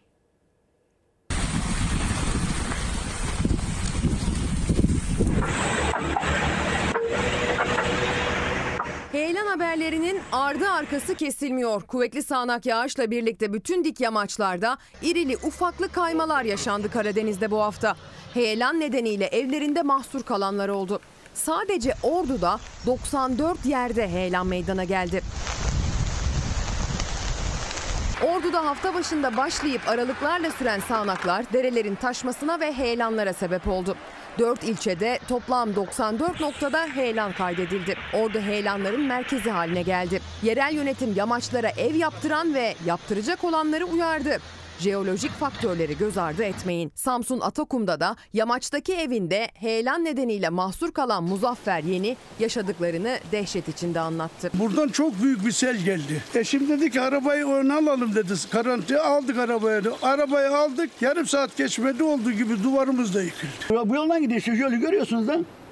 Aldı gitti hepsini. Mahsur kalan kardeşi için endişelenen vatandaş yaşadığı korkuyu gözyaşlarıyla dile getirdi. Ben o anda mahvolmuş bir insandım. Abim sakat çünkü adım atıp kaçma imkanı yoktu o anda. Ne yapacağımızı şaşırttık. Bir geldim böyle her taraf gitmiş ağlaya ağlaya bu komşunla ikimiz böyle mahvolduk. Uyku uyuyamıyoruz. Korkudan gözüne uyku girmeyen Atiye Vere de evinin arkasındaki yamaçtan kopan parçalar nedeniyle mutfağına giremiyor bugün. Evi yıkılma tehlikesiyle karşı karşıya. Burası Denizli. Mars gün yağmur yağdı. Sel nedeniyle biraz göçük olmuştu ama ara ara geliyordu. Pazartesi yine geldi. Salı günü daha şiddetli geldi. Hafta başında bölgede etkili olan kuvvetli sağanaklar Merkez Efendi ilçesinde Serpil Abalı ve komşusunun evini yıkılma tehlikesiyle karşı karşıya bıraktı. Toprak kaymaları azar azar hala devam ediyor. Afetzedeler yönetenlerden duruma çözüm istiyorlar. Çünkü çok korkuyorlar. Korkmaz mıyım? Korkmaz mıyım? Ayaklarım tutmadı. Her şeyler yıkıldı görüyorsun işte. Korkmaz mıyım oğlum? Bir şey kalmadı. Kiler gitti, kömürlük gitti. Tavuk kümesi gitti, hepsi gitti. Ee, şimdi öncelikle Heyelan bölgesine bir geçmiş olsun diyelim. 24 il için sarı kodlu uyarı var. Meteorolojiden bunu hatırlatmasını yapalım. Çalar Saat Bülten sorumlusu Zafer Söken yanımızda dünyanın notlarını paylaşacak bizimle. Zafer günaydın, hoş geldin. Bu arada 9 Haziran sabahına erken saatlerde bu sabah Dolar yine bir rekor kırdı mı? Evet karşımızda benzer bir durum var. 23 lira 64 kuruş seviyesini gördü. Euro 25 lira 73 kuruş seviyelerine yaklaştı ve Türk lirasındaki erime devam ediyor mu? Ediyor. Pahalılığa sebep olacak mı? Kesinlikle olacak. Hatırlatması Zafer hadi başlayalım. Bir kez daha günaydın. Eurostat Avrupa Birliği'nin istatistik kurumu yani bizdeki TÜİK'in karşılığı Avrupa Birliği'nin bir veri yayınladı ve bu veride bu veride ne yazık ki Türkiye'nin durumu pek de iyi değil. Savaştan rica edelim o e, görseli getirsin arkaya. Şimdi Türkiye'de her 4 gençten biri yani yaşları 15 ila 24 arasında değişen her 4 gençten biri ne evde özür dilerim ne okulda ne işte. Yani bunlar evdeler. Ne istihdama katılıyorlar ne de eğitime katılıyorlar ve Türkiye Ev burada gençleri. e, zirvede. Yani Avrupa'nın Avrupa Birliği ortalaması 9,6. E, Türkiye onun 3 yani yaklaşık 2 katından da fazla bir seviyede ne yazık ki bu gençler ne işte ne okulda evde oturuyorlar yani ve bizim genç nüfusumuz var. Ancak onu aktif olarak kullanamadığımız, En büyük faydalanamadığımız gücümüz bir dediğimiz. genç nüfusumuz. Evet. Bununla övündüğümüz bir genç nüfusumuz ve bu arada e, kadın erkek arasında da genç kadın ve genç erkeklerde önemli bir de bir de fark var. Genç erkeklerde bu oran %16,4, genç kadınlarda ise %32,3 yani cinsiyet ayrımı da burada ne yazık ki çok fazla. İşte Türkiye'nin e, olmasını istemediğimiz bir birinciliği Eurostat'ın açıkladığı verilere göre. Şimdi bu bilgiyle başladık. Aslında bu aynı zamanda ekonomiyle ilgili, gelecekle ilgili, eğitimle ilgili, bu ülkenin gençleriyle ilgili bir haber ve istatistikti. Şimdi e, haberin başlığı ilginç. Sen söyle. Evet yani Yunanistan'la aramızda tatlı bir rekabet diyelim. Zaman zaman bizi e, kızdıran bu lezzetler konusunda mesela baklavaki olsun. Bizim baklavamıza Caciki, baklavaki. caciki, musaki gibi bizim lezzetlerimizi Yunanistan'ın da sahiplenmesi epey tepkisini çekiyor Türk halkının doğal olarak. Dün de yine bir tepki unsuru konu daha vardı. O da kokoreç. Ee, Yunan, Yunanlar buna kokoretsi diyorlar. Şimdi dünyada bir atlas var. Test atlas ya da lezzet atlası. Bunlar en iyi işte 50-100 sakatat yemeğini açıklamışlar. Birinci sırada kokoretsi var. Yunanistan'ın kokoreçi yani bizdeki kokoreçin e, Yunancası diyelim yani kokoretsi demişler ona. İşte birinci sırada o var. Bizim kokoreçimiz ise bu sıralamada e, dördüncü sırada. Ancak listede bizim kelle paça çorbamız da var bu arada onu da söylemek gerekir. Yunanistan'la aramızda yine bir e, lezzet gerginliği bu tatlı atışma zaman zaman ama yine de kokoreçimize sahip çıkmamız lazım. Sabah sabah da işte e, iştah açan o görüntüler kokoreç. Kokoreçinin bu arada bizim kokoreçimizden bir farkı varmış. Bizim kokoreçimizde bağırsak kullanılıyor. Kokoreçsi de e, Yunanistan böbrek ve ciğerde kullanıyorlarmış. Böyle bir fark var. Bu arada Lezzet sakatat tatlısı. fiyatlarının da ne kadar arttığını. Belki de şu anda e, hani bunun esnaflığını yapan izleyicilerimiz vardır. Bir yazar mısınız mesela işte o ciğer ne kadar oldu, kuzu ciğer, dana ciğer ne kadar oldu? E, sonra yarım ekmek kokoreç acaba memlekette ne kadar oldu? Orada bir zam var mı? Onu da hatırlatalım. Kimyonlu kimyonlu Zafer ne yaptın sabah sabah? Epey de pahalıydı zaten kokoreç. Yarım ekmek kokoreç, kuzu kokoreç epey pahalıydı. Muhtemelen yeni zamlardan sonra daha da pahalanmıştır ne yazık ki. En son 70 lira civarındaydı diyor yukarıdan arkadaşlarımız. Acaba şu anda ne kadar? Devam edelim. Ee, yine bu da önemli. Dünyanın Evet. dikkatli takip ettiği konulardan birisi. Çar- Türkiye de takip ediyor. Çarşamba günü bahsetmiştik. Evet. Ee, Ukrayna'nın Herson bölgesinde Rusya'nın işgali altındaki Kakova barajı vurulmuştu. Hala kimin vurduğu belli değil. Kim vurduya gitti de demiştik. Çünkü Ukrayna diyor ki Rusya'nın saldırısı sonucunda bu baraj vuruldu ve patladı. Rusya ise bunu kabul etmiyor. Hayır bu Ukrayna'nın sabotajı diyor. Ancak ortada bir gerçeklik var. Şehirler sular altında kaldı. İşte o görüntüler. Bunlar ev bu arada. Yani hani uzaktan anlaşılıyor mu bilmiyorum. Daha yakın görüntüleri Tam de ekran var. verelim o zaman. Daha yakın görüntüleri de var. Şimdi işte o barajdan boşalan, vurulmasından sonra boşalan milyonlarca metreküp su işte evleri, şehrin gömülüşü aslında. Suların altına su altında gömülüşü bu. bıraktı ve e, Oleşki kentinde en az 9 kişi ölmüş bu barajın ardından yaşanan sel felaketi nedeniyle. Dün de Zelenski, Ukrayna Devlet Başkanı Zelenski o bölgeye gitti. Bu bölgenin iki tarafında da hem Ukrayna'nın kontrol ettiği hem Rusya'nın kontrol ettiği tarafta da tahliyeler var. Binlerce insan da tahliye ediliyor. Sadece bu arada insanlarda mağdur olmadı. E, Bir diğer görüntüsü vardı hatta ondan da savaştan rica edelim. Canlılar da. Canlılar da e, bu felaketten ne yazık ki nasibini aldı ve onları kurtarmak için insanlar e, zaman zaman canları pahasına da derinlikli sulara, derinlikli, derinliğinin ne kadar olduğunu bilmeden yani her türlü Kurtarma riski göze alarak kurtarma çalışmalarına başladılar. Mesela burada bir kedi işte bir duvarın oyuğuna sığınmış bir e, yardımsever tarafından kurtarılma anları. Burada bir köpek işte dediğim gibi bak bu o ne kadar derinliğini bilmiyorlar dediğim yer bu. Mesela epey de derin adamın boğazına kadar gelmiş bir köpeği kurtarıyor o da. Kotta evin içi daha derin tabii. Evet yani köpek de iyi hayatta kalmış bu arada yani şans eseri hayatta kalmış da diyebiliriz hatta. Böyle hayvanlar da bu felaketten ne yazık ki nasibini aldı. Şimdi bir hırsızın haberi var Evet. ülke. Avustralya, Avustralya'da ilginç bir hırsızlık e, girişimi daha doğrusu. Bir adam markete giriyor, o marketten de bir ürünü çalıyor, bir koli, bir kasa. Ama kasiyer tabii uyanık. Kasiyer hemen bu açılır kapanır kapıyı kilitliyor. Adam da çıkamıyor. Çıkamayınca da burası çok ilginç. Son derece sakin bir şekilde geliyor. O aldığı ürünü kasaya bırakıyor. Hiçbir şey olmamış gibi. Böyle yoluna devam edecek. Şimdi kapı Ve kapı açılıyor. da açılıyor. Kapı da açılıyor. Kadın da herhalde uğraşmak istemedi. Hani polise ihbar edip uğraşmak istemedi bu adamla. Onunla belki yalnız kalmak istemedi. Hani başına bir şey gelebilir diye.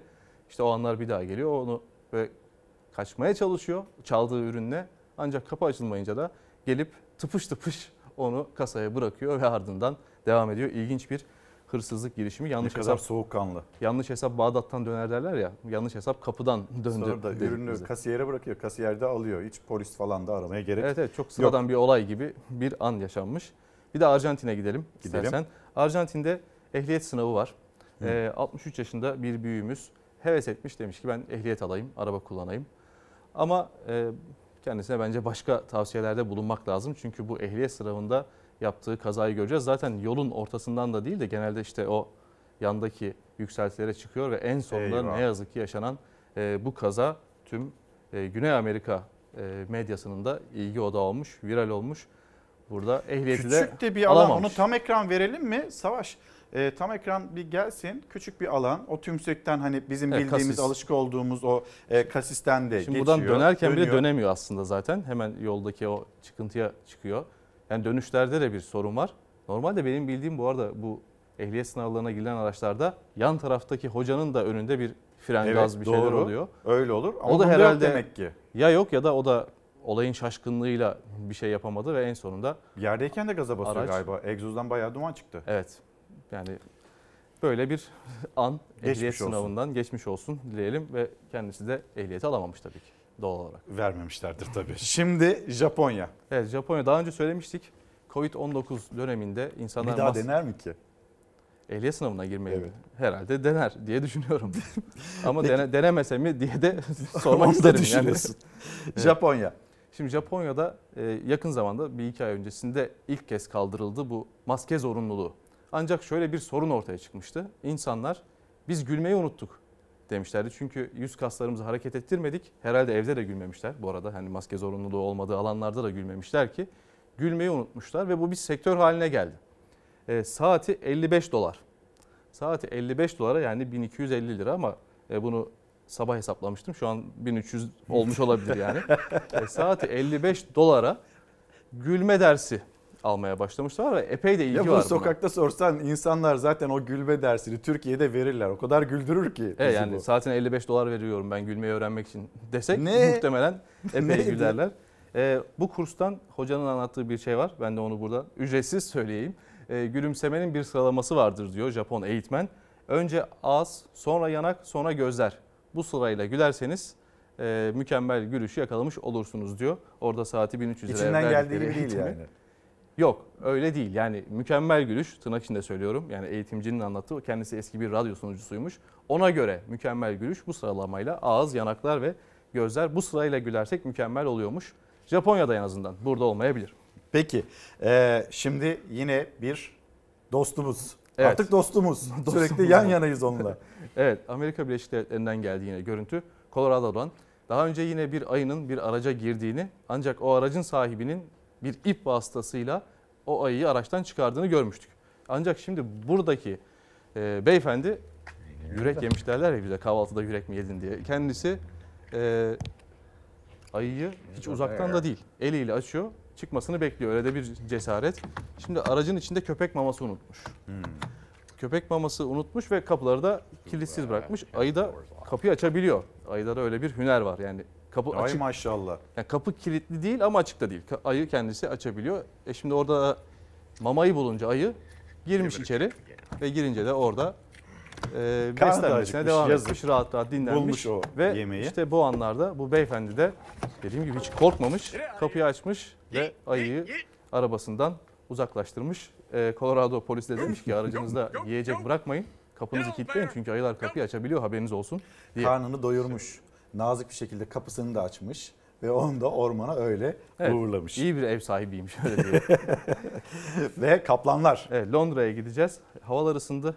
İşte yüzümüzü gülümsetecek görüntülerde bir hayvanat bahçesinden geldi. Sumatra kaplanları bunlar. Bunlar da sıcak havayı havayı görünce serinlemek adına kendileri böyle buldukları bir su birikintisi, süs havuzu daha doğrusu. Süs havuzuna girip orada toplarla oynayıp hem eğlenmişler hem de sıcak havada serinlemişler. Sadece kaplanlar değil bir küçük yavru ayı daha var. Az önceki gibi değil bu davetli bir misafir. O da suyla oynamayı çok seviyor sıcak havalarda. Yine kendisine su tutuluyor ve o hortum vasıtasıyla ve o da bundan çok büyük bir keyif alıyor. Ga- Gayet de oynuyor böyle suyla. Tatlış. O da işte herkesi gülümseten bir an.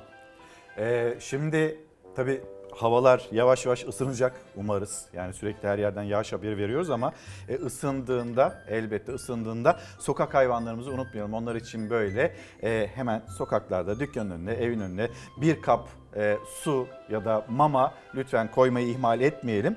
Zafer'le bugünkü köşemizi tamamladık. Zafer çok teşekkür ederim. Şimdi reklamlara gideceğiz. Yalnız yönetmenimizden bir rica edeyim. E, hani dünyanın çeşitli yerlerinden Türkiye'ye deprem sebebiyle yardımlar geldi, yağdı, insanlar geldi burada bize el uzatmak için. Ama bu yardımlar bitti mi, kesildi mi derseniz hayır öyle olmadı. Yine depremzedelere el verebilmek için, onların e, bundan sonraki günlerinin daha güzel olabilmesi için mücadele edenler var ve bakın onlar kimler. Bu haberle reklamlara gidelim. Döndüğümüzde yeniden ekonomi. A life for which I'm blamed.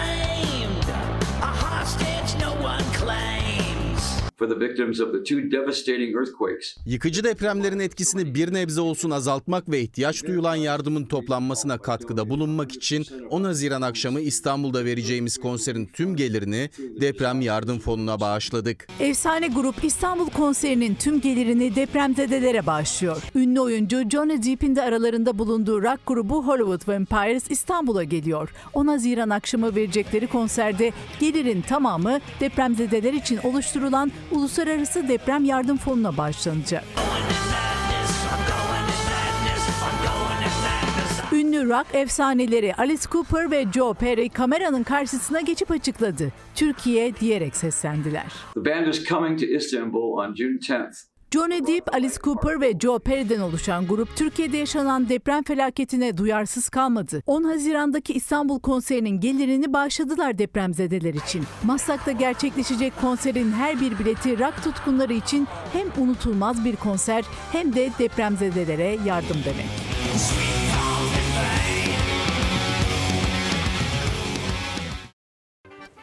Efendim bir kez daha günaydın. Devam ediyoruz. Yine ekonomiyi konuşacağız. Bu pahalılığı konuşacağız. E, demiştik. Şimdi yanımızda vergi uzmanı Doktor Ozan Bingöl var. E, Ozan hocam günaydın. Günaydın. Hoş geldin. Günaydın. E, şimdi biz çaya ne kadar zam geldi? Önümüzdeki günlerde ekmeğe ne kadar zam gelecek? İşte diğer kalemlerde, akaryakıtta vesairede gelen zamları konuşuyoruz. Bir de meselenin vergi boyutu var. Evet. O vergiler acaba bizim bir canımızı yakacak mı? Yine tabana mı yayılacak? Ne olacak diye bu soruyla başlamak istiyorum. Yalnız önce bir siyasete bir dönelim. Gelen zamlarla ilgili siyasetten yükselen tepkiler var. Bir izleyelim sonra da konuşalım. makul ve orantılı hiçbir sebebi olmadığı halde sırf açgözlülükten fahiş artışı yapanlarla tekrar göreve devamda bunların ümüğünü sıkacağız ümüğünü. Sayın Cumhurbaşkanı sözünden hiç dönmediği için ümüğümüzü sıkmaya başladı. %51 oyu alınca baktı ki halkım bu durumdan çok mutlu dedi. Vergiler, zamlar, harçlar, artışlar, dolar, euro, altın, benzin, çay ne varsa artık yükselip gidecek. Cumhurbaşkanı Erdoğan deprem bölgesi Gaziantep'te seçim sonrasına bırakmıştı fahiş fiyatlarla mücadelenin sözünü. Can sıkıcı hale geldi. Bunların ümüğünü sıkacağız diyerek seçimin üzerinden 11 gün geçti. Akaryakıt ve çaya büyük zam geldi. Erdoğan kimin ümüğünü sıkacak acaba? Vatandaşın zaten sıkılacak ümüğü kalmamış. Zamı yapan devlet sorumlusu vatandaş. Birinin ümüğünü sıkacaksan Türkiye'ye faiz sebep enflasyon sonuç diyenlerin ümüğünü sık. Üretim maliyetleriyle ilgisi olmayan aşırı fiyat artışlarının gerisindeki aç gözlülerden hesap soracağız. Yani vatandaşa zam yapmayın, ümüğünüzü sıkarım derken şimdi kamu zamları başlatıyor. Bunlar daha başlangıç. Yani bu fatura çok ağır gelecek. Bu zamlar bizi artık duman etti ya. Gerçekten çok kötü durumdayız yani. Günlük 200 liraya yakın yakıt yakıyoruz. Bu gece zam geliyor. Kontak kapatacağız. Abla çalışmayacağız o zaman artık bundan sonra ne yapalım. Seçimden sonra her şeye zam gelmeye başladı. Akaryakıt indirim yapıldığında devlet indirim yaptı diye düğün bayram ediyorlar ama zam geldiğinde dış güçler diyorlar. Sırf seçimi almak için doları baskıladınız. 3 günde dolar 24 liraya çıktı. Çay fiyatı da piyasada ortalama %44 arttı. Cumhurbaşkanımız çevre dostu bez torbalarda sizlerin en iyi bildiği şey olan çayı sizlere ikram etmekte. Afiyet olsun. 1 kilogramlık çayın fiyatı 97 liraydı. 141 liraya ulaştı. Yani çaydaki zam oranı %44'ü aştı. Ne diyeyim diyecek bir şey yok ki yazıklar olsun. Çay üreticisine verdiğin 11 lira ama sen çaya %43 zam yapıyorsun. Kim kazanıyor? Ümüğü sıkılan millet olacak. Ümüğü sıkan da Recep Tayyip Erdoğan olmaya devam edecek. İndirim beklerken kamunun aldığı yeni zam kararlarına tepki büyük. Hem tüketici cephesinde hem de muhalefette.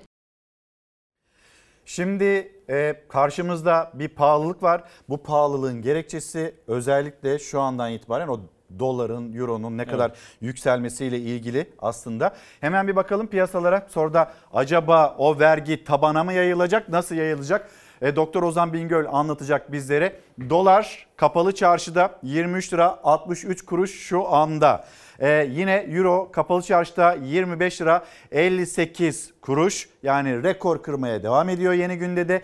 Buyurun söyleniyordu yok canım diyenler de vardı 1500 lirayı görür diyorlardı gram altın için.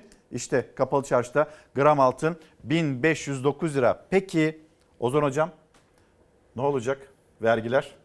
Şimdi şunu söyleyelim İlker zaten biraz önce söyledin. Döviz kuru böyle olduğu sürece bu zamlar kaçınılmaz olacaktır. Çünkü e, döviz kurunun artışı e, vatandaşı her alanda etkiliyor. E, daha önce e, daha önceki Maliye Bakanlarından Berat Bey katıldığı bir programda şunu sormuştu. Yani dolarla mı maaş alıyorsunuz demişti.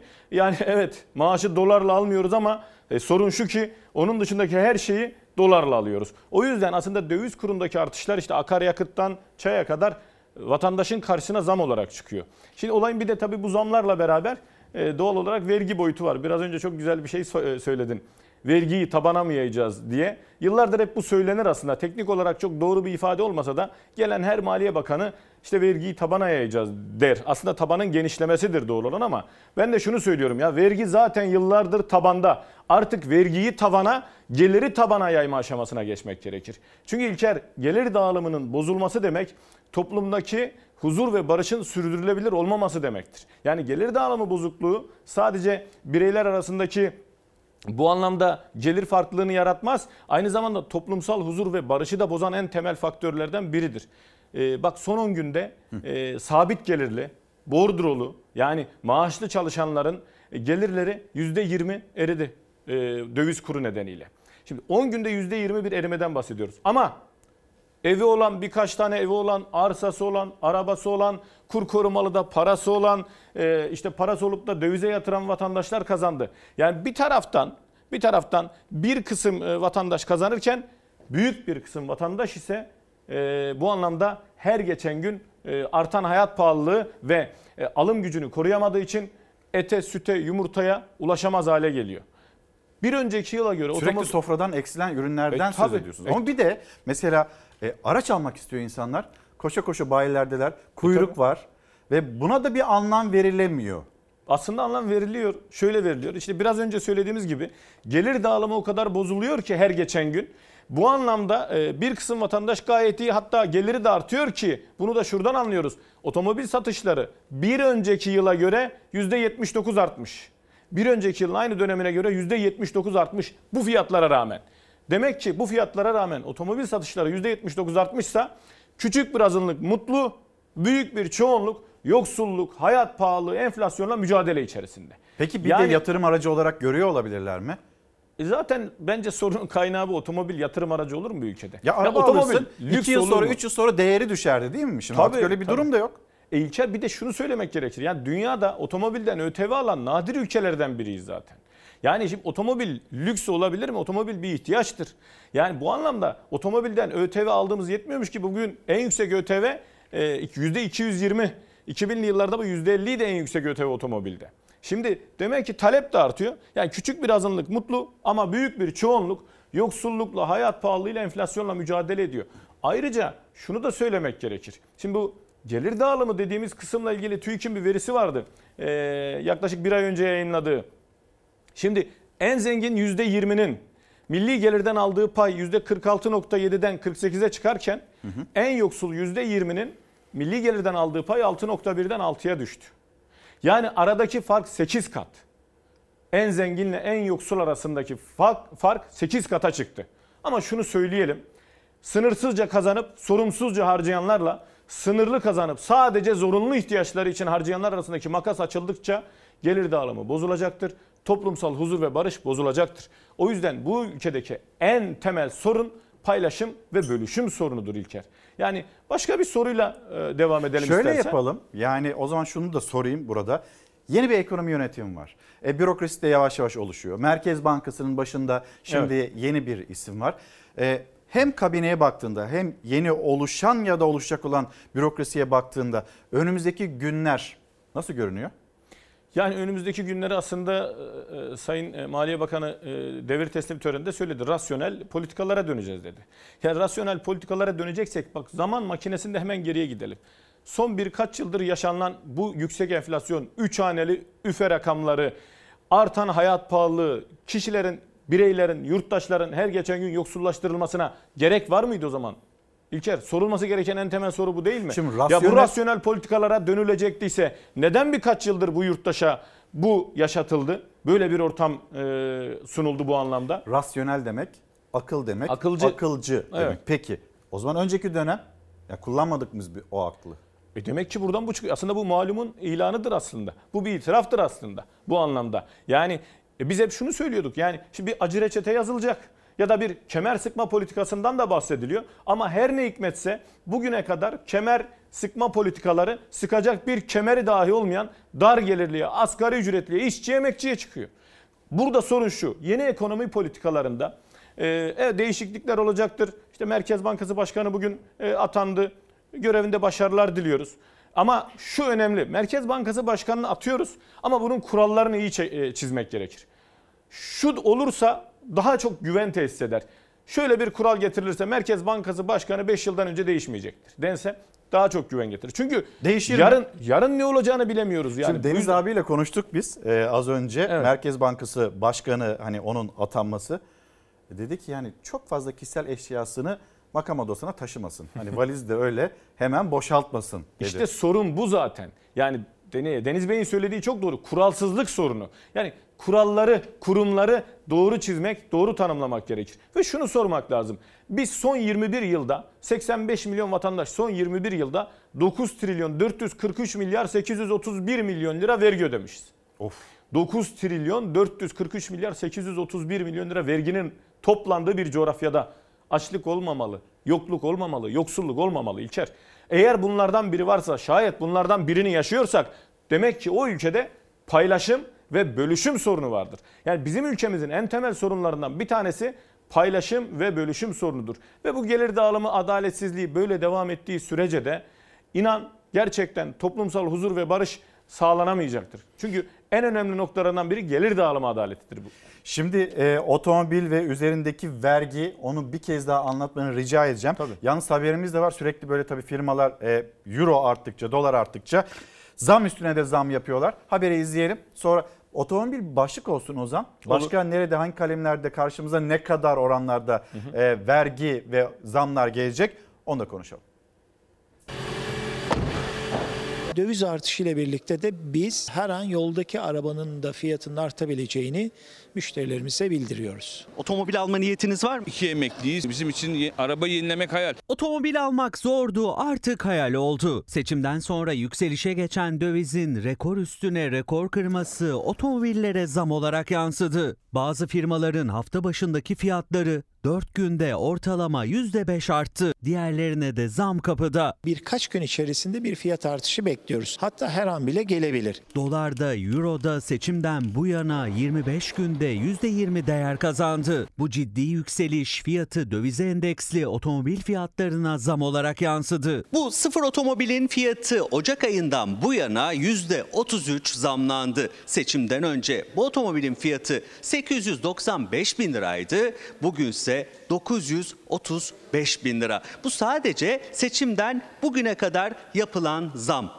Birçok otomotiv firması dövizin bu sert çıkışıyla birlikte her an yeni zamlar bekliyor. Türkiye'de satılan her otomobilin %68'i ithal. O nedenle euro ile fiyatlandırılıyor. Her gümrüğe giren otomobil o günkü euro kurundan TL'ye çevriliyor ve fiyatı belirlenmiş oluyor. Vergiler ülkemizde çok yüksek olduğu için vergiyle birlikte kur farkı da gelince otomobil fiyatları inanılmaz derecede artıyor. Paranız hazır. 01 otomobil alacaksınız. Otomobil bayisine geldiniz ama otomobil bayilerde yok. Marka ve modeline göre ortalama 8 ay beklemek zorundasınız. Ve dövizin bu sert hareketlerinden dolayı beklediğiniz her ay bugünkü size söylenen o rakamdan daha fazla ödemek zorunda kalıyorsunuz. Bir para biriktiriyoruz ama o biriktirdiğimizde hem ara- araç geliyor bir bakıyorsun rakam 300 bin lira 400 bin lira üste çıkıyor yine ulaşamıyoruz. Ben Kasım Aralık gibi yazıldım o zaman rakam 970 civarıydı. Bugün 7 ay oldu yaklaşık 1 milyon 415 bin lira oldu. 500 bin lira fark var. İnsanlar sadece ihtiyacı olduğu için almıyor. Yatırım amacıyla da alıyor. Her alan 100 kişiden 40'ı 2 ay içerisinde tekrar otomobili satıyor. 40 kişi tekrardan geliyor sıraya giriyor. İşte yüksek fiyata rağmen satışların artmasının sebebi de bu. Parası olana yatırım aracı haline geldi otomobil. Mayıs ayında bir önceki yıla göre otomobil satışı %70,9 arttı. İkinci el fiyatları da sıfırın üzerinde. Üstelik taşıt kredisi sıkıntısı da devam ediyor. Yüksek faiz göze alınsa bile bankalar kredi vermiyor. Şu an maalesef sıfırın üzerinde e, ikinci el fiyatlarına denk geliyoruz. Faizler bu ay başında arttı. En uygun 2.95'te 3.46'ya kadar çıkıyor. Ama şu an için bir otomobil alırken kredi kullanamıyorsunuz. Bankalarda kredi şu an için verilmiyor. Krediler zaten muamma yani enteresan bir şey var yani. Yüksek olsa bile gidip kredi alamıyorsun. Şirket aracım olmasa araca binemeyeceğim yani. Dövizden sonra çarpı 5 olur abi Türkiye şartlarında ne olacak? Otomobili alabilmek dert. Hani bulabilirseniz bir de böyle kuru uygun bir yerde yakalayabilirseniz alırsınız. Ama e şimdi o bir dert. Diğer tarafı da akaryakıtı alabilmek, benzini alabilmek, motorunu alabilmek, depoyu doldurabilmek. Benzin 24 lira 3 kuruş bu İstanbul ortalaması. Bu arada belki sizin orada daha fazladır aldıysanız ya da sabah almak durumunda kaldıysanız yazıp gönderin bizlere. Motorun de 22 liranın üzerinde 22 lira 11 kuruş hatırlatalım. Devam edelim.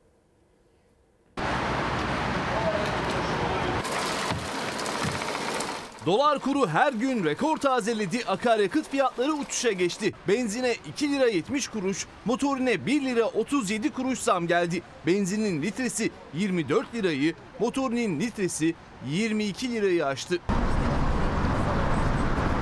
Seçimin ardından Türk lirası döviz kurları karşısında değer kaybetti. Dolar 23,5, euro 25,5 liraya kadar yükseldi. Bu yükseliş araç sahiplerine zam haberi olarak yansıdı.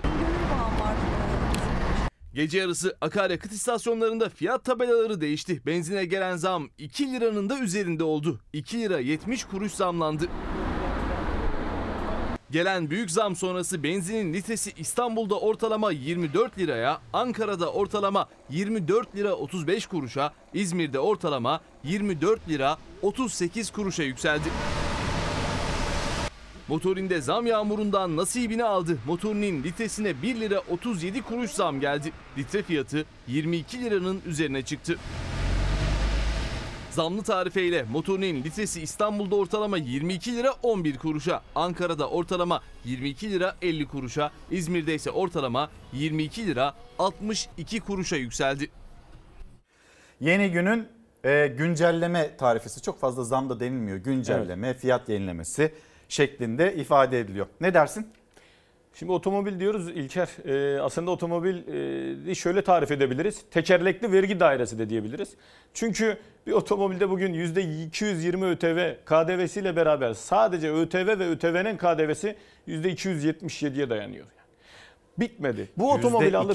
Tabii %277. Yani 100 bin e, lira olsun basit bir örnekle. 100 bin lira gümrük girişi varsa bunun üzerinden örnek verelim. 220'ye tabi %220'ye tabi bir ÖTV oranına tabi bir araç olduğunu düşünelim. E, 220 bin ÖTV 70 e, 57 bin KDV totalde 377 bin oluyor. 100 bin liralık araba. Şimdi biz buna tekerlekli vergi dairesi tanımlamasını kullanıyoruz burada. Neden kullanıyoruz? Ya bir araçta sadece ÖTV KDV de yok. Alışta binde 8 TRT bandrol ücreti var. Üzerinde radyo var diye.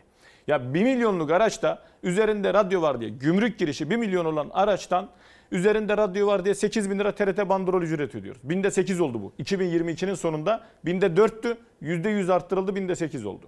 Şimdi içindeki radyo bile belki 8 bin lira değil. Yani o aracın içindeki radyo o kadar mı? Belki değil. Ama 1 milyonluk araçta bunu ödüyoruz. Binde 8 TRT bandrol ücreti. %220 ÖTV, %18 KDV, araç 4 milyonu buluyor. 1 milyonluk araç 3,5-4 milyona varıyor. O yüzden tekerlekli vergi dairesi tanım aslında doğru bir tanım. E bitmiyor biraz önce sen söyledin. Akaryakıt. Aldı. Hmm. Benzin koyacak. E, bu benzinle e, işte e, kullanacak bu otomobil. Yol gidecek. Şimdi bugün 24 lira benzin İstanbul'da.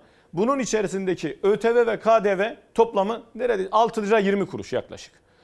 Şimdi 24 liraya varan benzin, 20 liranın üzerinde döviz kuru. Hepsi birbiriyle bağlantılı aslında İlker.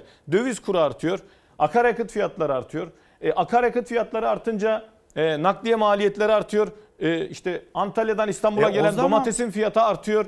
O zaman hani bu yüzden mi arabaya ve çok olmasına bolluk gözüyle bakılıyor? Bir sürü vergi istasyonu diye mi bakılıyor E araçlara? tabii şimdi bir kere şunu söyleyelim. Yani bu artışlar aslında bu fiyat artışları bu zamlar bir taraftan e, maliyenin işine gelen işler. Bu anlamda. Nasıl şöyle işine gelir? Şu açıdan işine gelir. Yani bu artışlar matrahı arttıracağı için tahsil edeceği vergi artar. E, oradan tahsil edeceği KDV artar. Yani bu zamlar aslında bu enflasyon bir taraftan da e, maliyeye olumlu yansır bu anlamda. Ama olan yine vatandaşı olur. Yani vatandaş bu vergi yükü altında ezilmeye devam eder. E şimdi benzinden e, bahsediyoruz. Sadece benzin değil ki. Ya bu aracı kullanabilmeniz için bir ehliyet almanız lazım. İçerisinde ehliyet harcı, e, değerli kağıt bedeli bir sürü ödeme yapmak zorundasınız. Ehliyeti aldınız. Trafik sigortası, kaskosu bugün artık e, trafik sigortası ile kaskoyu birlikte düşündüğümüzde 10 bin liraların üzerinde bazı arabalarda 20 bin 30 bini bulan kasko bedellerinden Şimdi bahsediyoruz. bu. Bir de bunun yeniden değerlemesi olacak. E, tabii şimdi önümüzdeki yıl için bu yeniden değerlemesi olacak. Yani geldiğimiz noktada gerçekten bizi çok fazla iyi günler beklemiyor onu söyleyelim. Gerçekten çok iyi günler beklemiyor bizi. Ayrıca e, şimdi bütçe açığından da konuşmak gerekir. Biz bu veriye nereden ulaştık? Ozan bütçe açığına geçmeden önce e, şimdi arkadaşlarımız uyarıyor ekranlara gelsin Samsun'da iki tramvay çarpıştı kafa kafaya çarpıştı burası Samsun ilk adım ve biri ağır 10 yaralı var. Bu kazanın ardından şu anda UMKE ekiplerini görüyorsunuz. Orada tramvayı da görüyorsunuz. Orada toplanan kalabalığı. E, toplanan kalabalık bir kısmı yolcu bir kısmı e, kazayı görenler ve onları e, hemen oradan tramvayın içinden çıkartabilmek için e, oraya koşanlar. Polis orada UMKE ekipleri orada itfaiye erleri orada ve görüyorsunuz tramvayın ne durumda ne halde olduğunu. Duyabiliyor muyuz oradaki sesi orada yaşananı? Bir bakalım.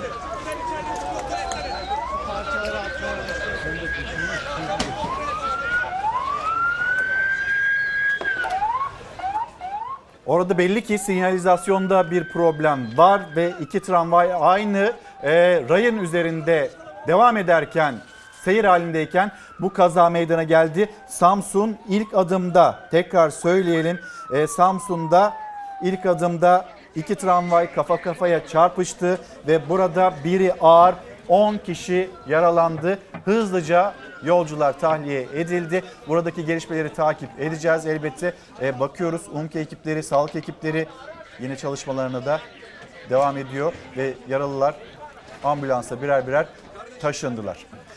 Şimdi burayı takip edeceğiz. Ozan ek vergi dedin. Oradan Evet. ilerleyelim. Öncelikle çok geçmiş olsun. Umarız can kaybı olmaz İlker. Ee, Amin, şunu söylüyorduk. Bütçe açığı. Şimdi biz bu verilere nereden ulaşıyoruz? Ee, sevgili İlker 2023 yılına başlarken hedef bütçe hedefindeki bütçe açığı hedefimiz 660 milyardı. Şimdi bu 660 milyar liranın içerisinde daha seçim ekonomisi yoktu. EYT düzenlemesi yoktu. Emeklilerin maaş artışı yoktu. Bayram ikramiyesi artışı yoktu. Doğalgaz desteği 40 milyar bir doğalgaz desteğinden bahsedildi. Bunlar yoktu. Yani bunları düşündüğümüzde bizim daha şimdiden 1 trilyonun üzerinde bir bütçe açığıyla karşı karşıyayız. Bu ne demek? Bu bütçe açığını kapatmak için e, bazı formüller var önümüzde. Bir havuz problemi gibi düşünelim. Yani ya havuza giren muslukları arttıracağız. Yani gelirleri arttıracağız. Ya giderleri azaltacağız. Musluktan, e, havuzu boşaltan musluklardan. Yani giderleri düşüreceğiz. Ya para basacağız ya borçlanacağız. Yani temelde kamunun elinde 4 seçenek var. İşte burada şunu söylüyorum. Bu 1 trilyon üzerindeki açık yeni uygulanacak ekonomi politikaları bu anlamda nasıl uygulanacağı çok önemli. Ayrıca şunu da belirtmek istiyorum. 40 milyarlık doğalgaz e, desteğinden bahsetti. E, seçim öncesi bu vaat edildi, verildi. Mayıs ayında da hatta ücretsizdi. Şimdi iki şey söylemek istiyorum. Şimdi bütçe hakkından bahsediyoruz biz. Bütçe hakkı. Bütçede bunun ödeneği var mı? Ödeneği konuldu mu? Bu para nereden harcanacak? Nasıl harcanacak? Hiçbir şey yok ortada. İkincisi ya bugün 30 milyonluk bir yalıda oturan bir vatandaş da o doğalgaz yardımını aldı. Bir gece konduda iki göz odada yaşayan e, dar gelirli asgari ücretli de o doğalgaz yardımını aldı. Evinde Ya doğalgaz böyle- olmayanlar var. Şimdi ona gelelim. Hiç doğalgazı olmayanlar bu yardımı alamadı dahi. Evet. E şimdi burada gelir dağılımı adaletinden bahsedebilir miyiz? Yani basit bir doğalgaz yardımında bile gelir dağılımı adaleti öncelenmiyor. Bu dikkate dahi alınmıyor. Yani 30 milyonluk bir yalıdaki vatandaşa da bunu ücretsiz veriyorsunuz. Hiç doğalgazı olmayan vatandaş bundan faydalanamıyor ama gece konuda oturan vatandaş da ücretsiz alıyor. Burada biz e, sosyal adaletten bahsedebilir miyiz? Şimdi mesele şu. Gerçekten e, mevcut iktidarın bu anlamda e, uzun zamandır yaptığı bir politika var. Yani yoksulluğu yönetmek istiyorlar. Yoksulluğu bitirme gibi bir dertleri yok bence. Yani yoksulluğu bitirmek isteyenler biraz önce verdiğim örnekten yola çıkarak söylüyorum bunu. Yoksulluğu bitirmek istiyorsanız, gelir dağılımını düzeltmek istiyorsanız yaptığınız şu basit uygulamayı bile daha doğru yapabilirsiniz. Şimdi peki geliri nasıl arttıracak hükümet? E şimdi tabii Temmuz ayı gelecek. Şimdi bu arada doğalgazdan ilginç bir sonuç çıkıyor. Şimdi doğalgaz da yine bizim vergilerimizle BOTAŞ'a diyelim görev zararı verilecek. Bu görev zararı da bütçeden ödenecek. 85 milyonun vergisiyle. Belki hiç faydalanmayan vatandaş, evinde doğalgaz olmayan vatandaş da o vergileriyle o 40 milyarı finanse edecek. Şimdi mesele o değil. Bu 40 milyarı finanse ederken birçok uzman bu anlamda e, iktisatçı arkadaşlarımız söyledi. Enflasyon etkisi sıfır olacağı için bu anlamda tüfeği etkisi de sıfır olacağı için pardon. Ne olacak? 6 aylık tüfeği de etkileyecek. Yani 3-5 puan belki 2-3 puan daha düşük çıkacak. Bu doğalgazdan dolayı sıfır gösterileceğinden dolayı. Maaş düştü. E doğal olarak şimdi İlker verilecek enflasyon farkını, refah payını, maaş zammını, Temmuz'daki maaş zammını da bu etkileyecek. Sadece bugünü de etkilemeyecek. Böyle olduğu için bir sonraki seneyi de bu düşüklük aslında sonraki 6 ayları da etkilemiş olacak. Bunlara gerek var mı? Ben sana çok basit bir örnek vereyim. Ozan daha önce hiç böyle bir müjde gördün mü? Şimdi başka bir müjdeden bahsedelim. Bak cep telefonunda olmaması gereken bir verginin tek seferlik kaldırılması müjdesi vardı. E şimdi yani neyi söyleyelim? Ya cep telefonunda bugün bir cep telefonunda işte geçtiğimiz günlerde bir marka cep telefonlarına Türkiye'deki satış fiyatlarına zam yaptı. Evet. Şimdi 25 bin liralık telefondan 25 bin 55 lira vergi alınıyor. 25 bin lira gümrük yani vergisiz fiyatı 25 bin lira olan telefondan 25 bin 55 lira. %1 Kültür Bakanlığı payı, %12 TRT bandrol ücreti, e, yüzde, TRT'nin de yüzde sürekli bir 50 bandrol ÖTV, ücreti giriyor bir yerde. %18 tabii. Telefonda niye var? E, Radyo va- uygulaması var diye mi? Evet ra- yani radyoya ulaşabildiğiniz her yerde işte otomobilin radyosunda, e, cep telefonunda. Yani şunu söyleyeceğim. Hatırlar mısın? Çok önce bir e, çok e, geçtiğimiz yıllarda bir programda şunu söylemiştik. Hani parayı Lidyalılar, vergiyi Sümerler, verginin vergisini Türkler bulmuştur diye böyle e, latifeyle söylemiştik bunu ama inan ben de işin buraya geleceğini tahmin etmedim. Bak bu örnekte verginin vergisinin vergisinin vergisi ödeniyor artık. Yani %1 Kültür Bakanlığı payı alınıyor cep telefonunun fiyatına konuluyor. Üzerine %12 hesaplanıyor. Hesaplanan tutar ekleniyor. Onun üzerine %50'si bulunuyor. O ekleniyor. En sonunda hepsinin %18 KDV'si alınıyor ve karşımıza bir böyle bir vergi sistemi çıkıyor. E şöyle mi? Yani bir araba kendimize, bir araba işte devleti. Evet. Bir telefon kendimize, bir telefon, bir buçuk telefon ne kadar ediyor o da? Bir telefon. Bir telefon Yaklaşık. yine devlete. Sürekli bir tane kendimize, bir tane karşıya. Ya bir de şöyle bir durum var. Şimdi e, biraz önce söylediğimiz gibi yani aslında olmaması gereken vergilerin senin de şaşırdığın e, doğrultuda yani %12 TRT bandrol ücreti gibi Kültür Bakanlığı payı gibi payların olmaması gereken vergilerin ve payların seçim vaadi olarak ya bunları tek sefere mahsus almayacağız demek asıl ilginçlik burada değil mi? Yani asıl ilginçlik burada ki iletişim çağındayız. İletişim zorunlu bir ihtiyaçtır artık bir lüks değildir. Telefon bir lüks olarak görülemez. Ha şunu da söyleyelim. Otomobil ve telefonla ilgili daha önce şöyle bir şey söylendi. Yani apartman görevlisinde bile artık otomobil var. Asgari ücretli bile cep telefonu var dendi hatırlıyor musun? Evet. O zaman şunu söyleyelim. İşte o apartman görevlisinde olan otomobil için ödenen vergiler, o asgari ücretlerin kullandığı cep telefonu için ödenen vergiler sayesinde birileri hesapsız makam harcaması yapıyor, şatafatlı makam odalarında oturuyor ve müthiş paralar harcıyorlar. İşte meselenin özü bu. İşte o vergiler sayesinde. Çünkü bütçenin %80, %85'i vatandaşın ödediği vergilerle oluşur. Sayın Mehmet Şimşek başladı göreve. Şeffaflıktan bahsetti. Çok önemli. Şeffaflık gerçekten çok önemli. Çünkü mali sistem bu anlamda şeffaf, öngörülebilir, güvenilir ve hesap verebilir olmalıdır İlker. Bu dört temel kural çok önemlidir. Şeffaflıktan bahsediyoruz. Bak ilk kez bu programda bir şey söylemek istiyorum. 2021 yılına kadar bütçede ekonomik ve mali amaçlı diğer transferler diye bir kalem var. Evet. Başlığımız bu. Ekonomik ve mali amaçlı diğer transferler. Diğer. Şimdi bu, evet. Bu diğer transferler kaleminden. Diğer, diğeri görünce korkuyor musun? E, tabii korkuyorum. Neden korktuğumu söyleyeceğim şimdi. 2021 yılına kadar buradan bir kuruş para harcanmamış. Bir kuruş para harcanmamış. Hep sıfır gelmiş. 2021'den sonra ne olduysa 2022, e, 2021, 2022 yılı ve 2023'ün ilk 4 ayında. Yani 2021 yılına kadar sıfır gelen ekonomik ve mali amaçlı diğer transferlerden son 2 yıl 4 ayda 85 milyar lira para harcandı. 85. Bak 300 Sıfırdan 500 milyondan 85 milyara. Evet. 300 500 milyondan bahsetmiyoruz. 2,5 yılda neredeyse 85 milyar lira harcanmış. Ve diğerin Şimdi keşfi. diğer diye harcanmış. Ve diğerin keşfi olmuş o zaman. E diğerin keşfi olmuş ve biz diğeri bulduk. E şimdi 85 milyar liradan bahsediyoruz. 85 milyar lira vatandaşın her kuruşuyla harcanan bu para diğer diye adlandırılabilir mi? E Sayın Bakan'a buradan söyleyeyim şeffaflık çok doğru bir şey söyledi. Gerçekten şeffaflık önemli. İşte ben de bir yurttaş olarak bu 85 milyarın bu kalemden nereye harcandığını bilmek isterim. Yardımcı bu en mı olmak hakkım. istiyorsun bir yandan Tabii da? ki Katkıda en doğal hakkım. istiyorsun? Ya buradan söylüyorum. Sevgili İlker bak. Temelde mesele şu. Her vatandaş her delikli kuruş vergisinin hesabını sormakla ve bunun peşine düşmekle yükümlüdür.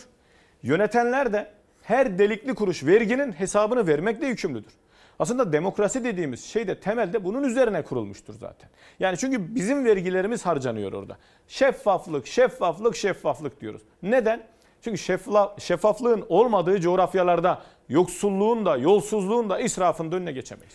Bir de e, kur korumalı mevduat sistemini anlatır mısın? Çünkü vergilerle desteklenen bir e, E, tabii. mecra orası da, bir fon. E, Biraz önce Deniz Bey'le konuşurken işte e, domates, soğan fiyatlarından, etten konuştunuz. Ben ona katkı sunayım. Geçen yıl 2022 yılında bütçeden ve Merkez Bankası kanalıyla kur korumalı mevduat sahiplerine ödenen tutar 200 milyar liranın üzerinde. Evet. Bir de vazgeçilen vergi var tabii burada. 200 milyar liranın üzerinde. Bunların hepsini topladığımızda geçen yıl 200 milyar lirayı götürüp kur korumalı mevduata bıraktık, verdik. Kur korumalı mevduattaki mevduat sahiplerine verdik.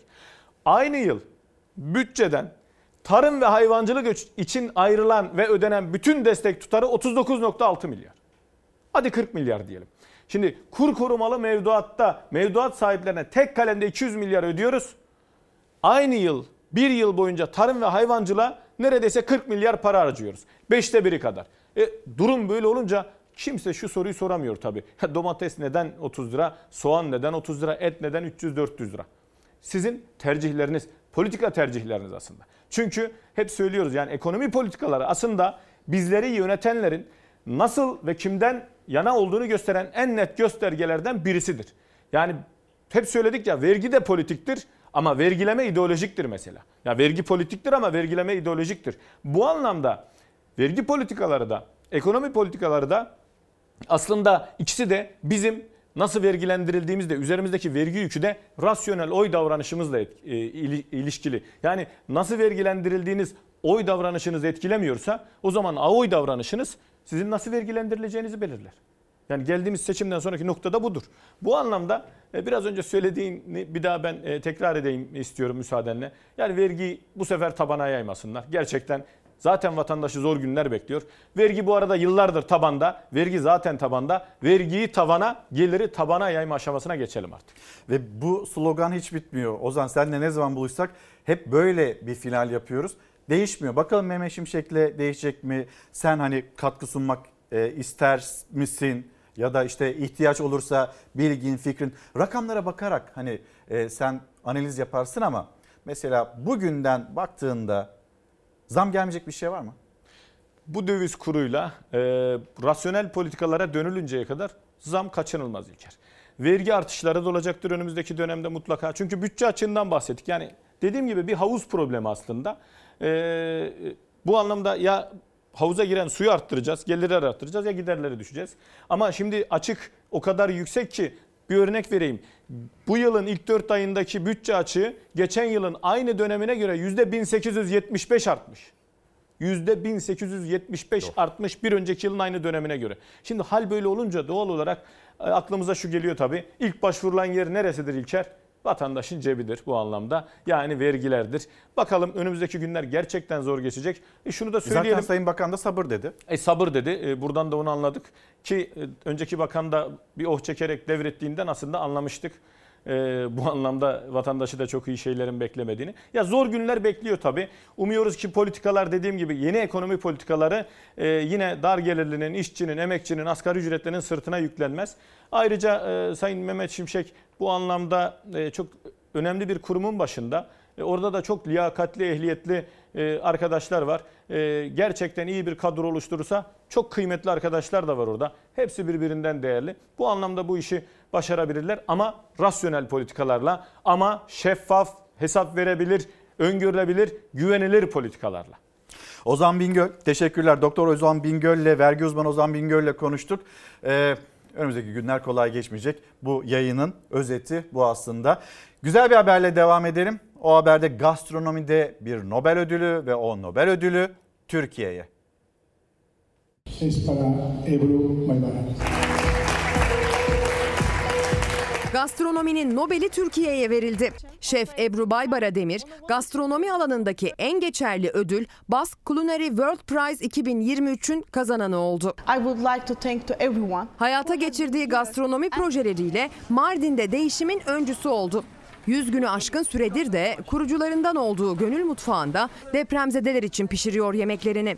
Şef Ebru Baybara Demir. O bir kadın girişimci. Uluslararası uzmanlığa sahip bir şef.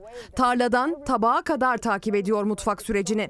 Sadece kendisi üretmiyor, üreten kadınları da destekliyor projeleriyle. Ben 46 yaşında milletin ne demek olduğunu burada öğrendim. Bir acımız var. Bu acıyı birlikte onarmanın, birlikte iyileştirmenin yolu için bir araya gelebiliyoruz, dayanışıyoruz. Bu başka bir ülkede olabileceğini düşünmediğim bir şey bu. 20 yılı aşkın süredir mülteci entegrasyonu, iklim değişikliğinin toprak üzerindeki etkisi ve toplumsal kalkınma odaklı projeleriyle adını sadece Türkiye'de değil dünyada duyurdu Şef Baybara. 6 Şubat Kahramanmaraş merkezli depremlerden sonra binlerce kişiye sıcak yemek dağıtması ve Türkiye'de yaşayan tüm kadınları kapsayıcılıkla güçlendirmesi gastronominin Nobel'i denen ödüle layık görülmesinde etkili oldu. Ve depremzede çocuklarımız. Depremde yani çok şey yaşadık ama burada daha iyi olmaya çalışıyorum. Çok korkmuştum o gün. Babamın yanına gittim. O anları düşündüklerinde yaşadıkları korku ilk günkü gibi. Depremzede çocukların, gençlerin travmalarını az da olsa hafifletebilmek, geleceklerini güvence altına alabilmek için çok sayıda program düzenleniyor. Moralim güzeldi. Burada atlara biniyoruz, oyunlar oynuyoruz, etkinlikler yapıyoruz. Ata bineceğiz, masa tenisi oynayacağız, fotoğraf çekineceğiz. Malatya'da depremzede çocuklar bir araya geldi, ata bindiler, oyunlar oynadılar. Hem sohbet ederek sosyalleşerek hem de etkinliklere katılarak stres attılar. Güzel detayları gördük. Bu oyunları gördüm, oynadım. Eğlendim. Battal Gazi Belediyesi, Malatya Turgut Özal Üniversitesi, Gençlik ve Spor İl Müdürlüğü ve Battal Gazi İlçe Milli Eğitim Müdürlüğü tarafından başlatılan projeyle 600 çocuğa psikososyal destek verilecek.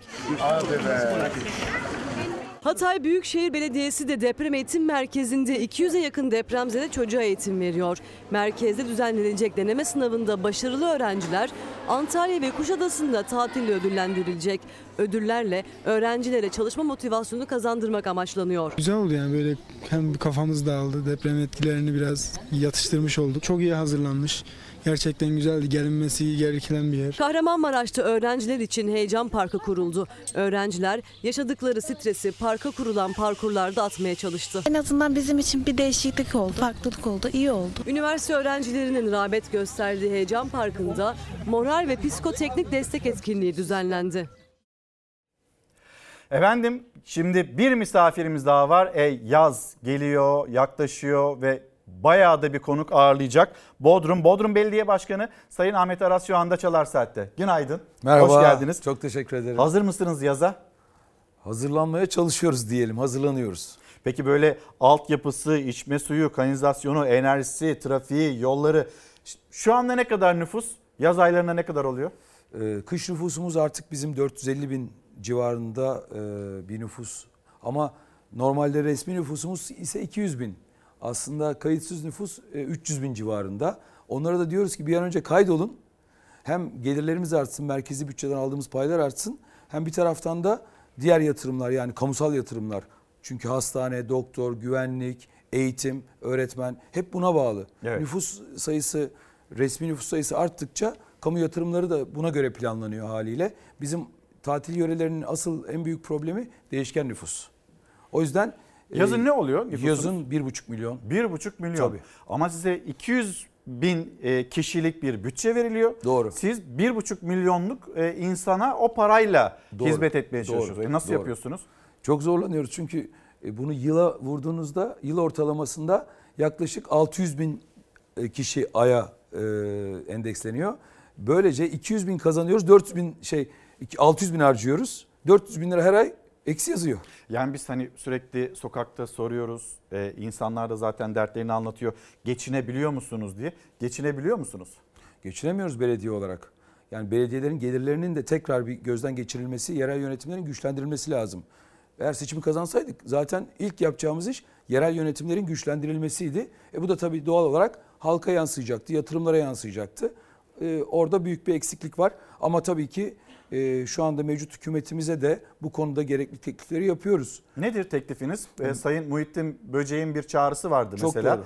E, bu konaklama vergileriyle ilgili bir destek istiyorsunuz. Evet. Yani bütün bu vergi bakanlığa gitmesin, yerelde de kalsın. İşte Muhittin Böcek Evet. Antalya Büyükşehir Belediye Başkanı konaklama vergisinden Doğru. belediyelerin pay alması gerek. Konuyu Kültür ve Turizm Bakanı Mehmet Nuri Ersoy'a yeniden ileteceğiz. İletildi, bir sonuç çıkmadı. Şimdi yeniden mi iletilecek? Tabii ki çok doğru çünkü e, Sayın Başkanımız sağ olsun e, yani bu nokta çok önemli.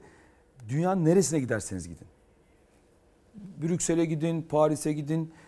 Daha kapıdan girdiğinizde otele önce oda parasından önce derler ki bir konaklama vergisi, city fee dedikleri şehir vergisini bir alalım sizden derler.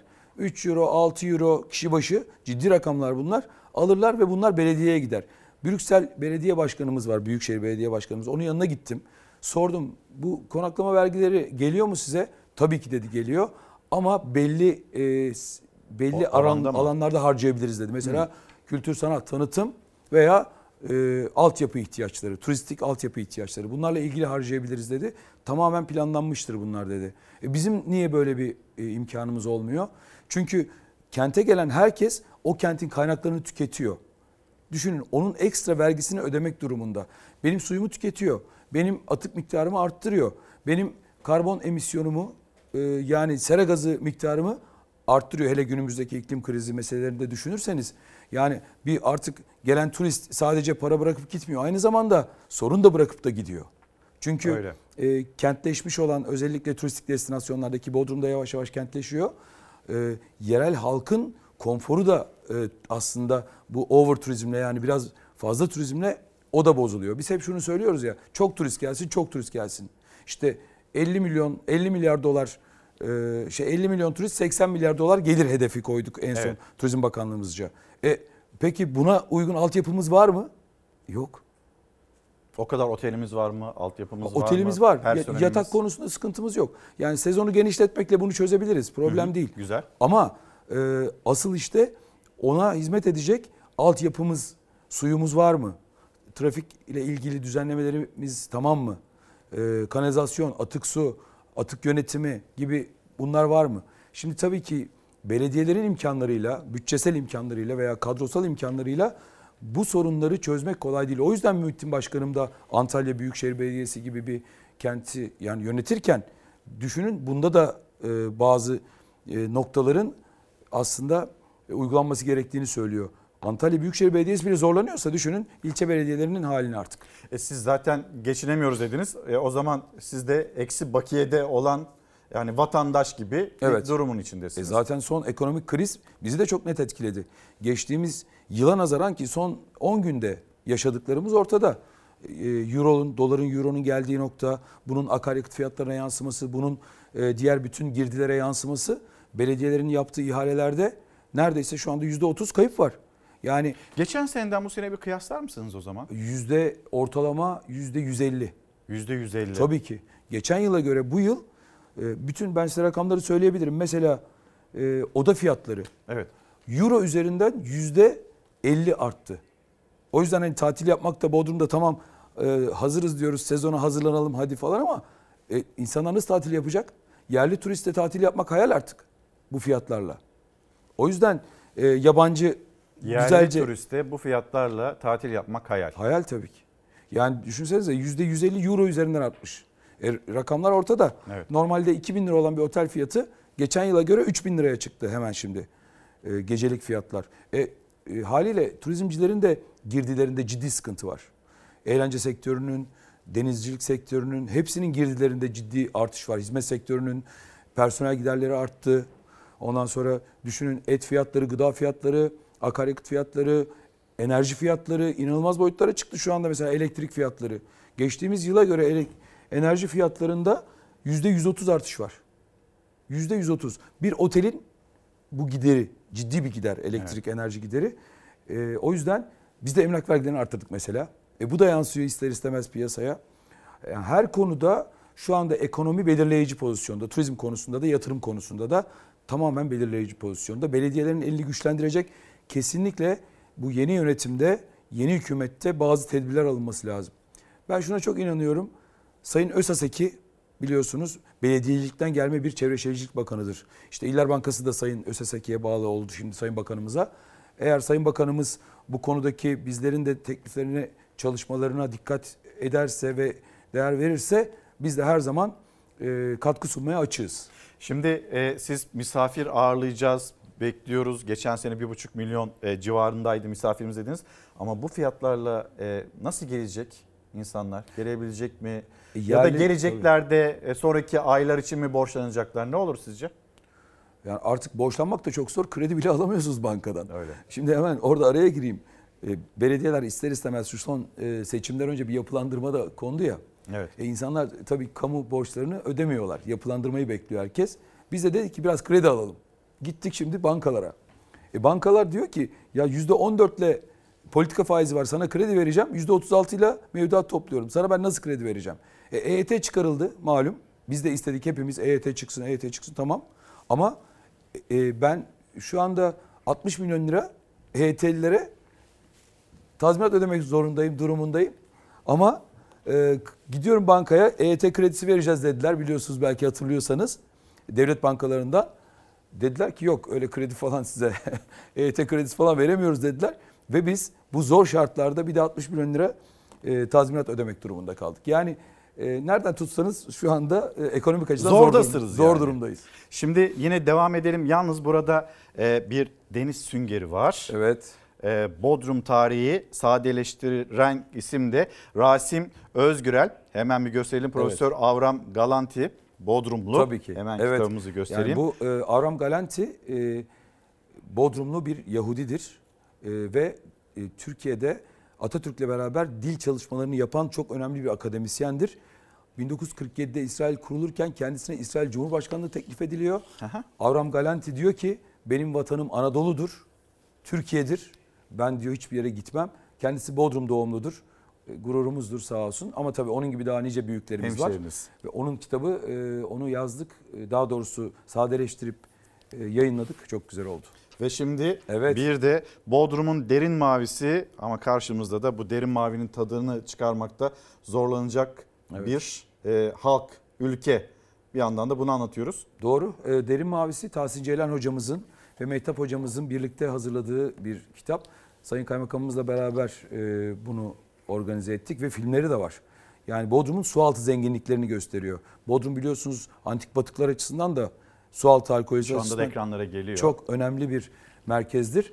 E, o yüzden bunu da dünyaya tanıtacak bir çalışmadır.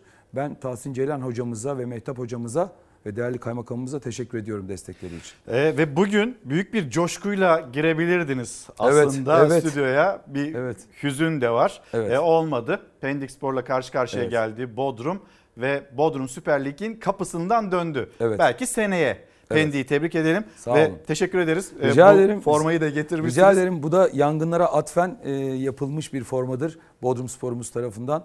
Tabii ki. Bodrum Spor 1931'de kurulmuş. Çok 100 yıllık neredeyse çok kadim bir kulüptür. Ve ben e, yönetime, yönetim kuruluna çok teşekkür ediyorum arkadaşlarımıza. E, takımımızın Futbol AŞ'nin yine e, en büyük destekçisi Sayın Fikret Öztürk'tür. Opet Fikret Öztürk biliyorsunuz. Ve e, büyük bir destek oldu. Takımımız final oynadı ilk sezonunda daha. Büyük bir gurur bizim için. Harika, Evet, tebrik dün, ediyoruz. Dün maçı kaybettik ama e, önümüz açık. E, ormansız ve ağaçsız toprak vatan değildir. Mustafa Kemal Atatürk'ün sözü var yine bu formanın üzerinde. Çok Efendim, doğru. şimdi bir iki buçuk dakikamız var. Festivallerden de söz eder Tamam. misiniz? Her şey zor Sünger'i de olabilir. Aa, konuşayım lütfen mı? Sünger evet. Tabii sünger biliyorsunuz Bodrum'un tarihinde eski e, mandalinacılıktan önce süngercilikler vardı. Süngercilik, süngerciler Bodrum'un bugünkü turizmini de e, kuran, geliştiren insanlar ve bütün Akdeniz'de yelken açıp sünger toplayan insanlar şu anda çok az kaldı birkaç tane. O yüzden ben size bir de süngeri hatırlatmak için, süngerciliği Çok hatırlatmak için onu da getirip şimdi müze hazırlıyoruz bir tane süngercilik araştırma merkezi. Onu da yakında açacağız. Bir de şu hemen çok kısa altyapıdan bahsedeyim 2,5 dakikadan. Şimdi altyapı çalışmaları 4 yıldır yoğun bir şekilde sürüyor. Hem Büyükşehir Belediye'miz hem Turizm Bakanlığımız büyük bir gayretle Bodrum'un bu ihtiyacı olan, bu artan nüfusa veya turizme ihtiyacı olan altyapıyı tamamlamak için çalışıyor. Ciddi bir mağduriyet yarattı halkımızda.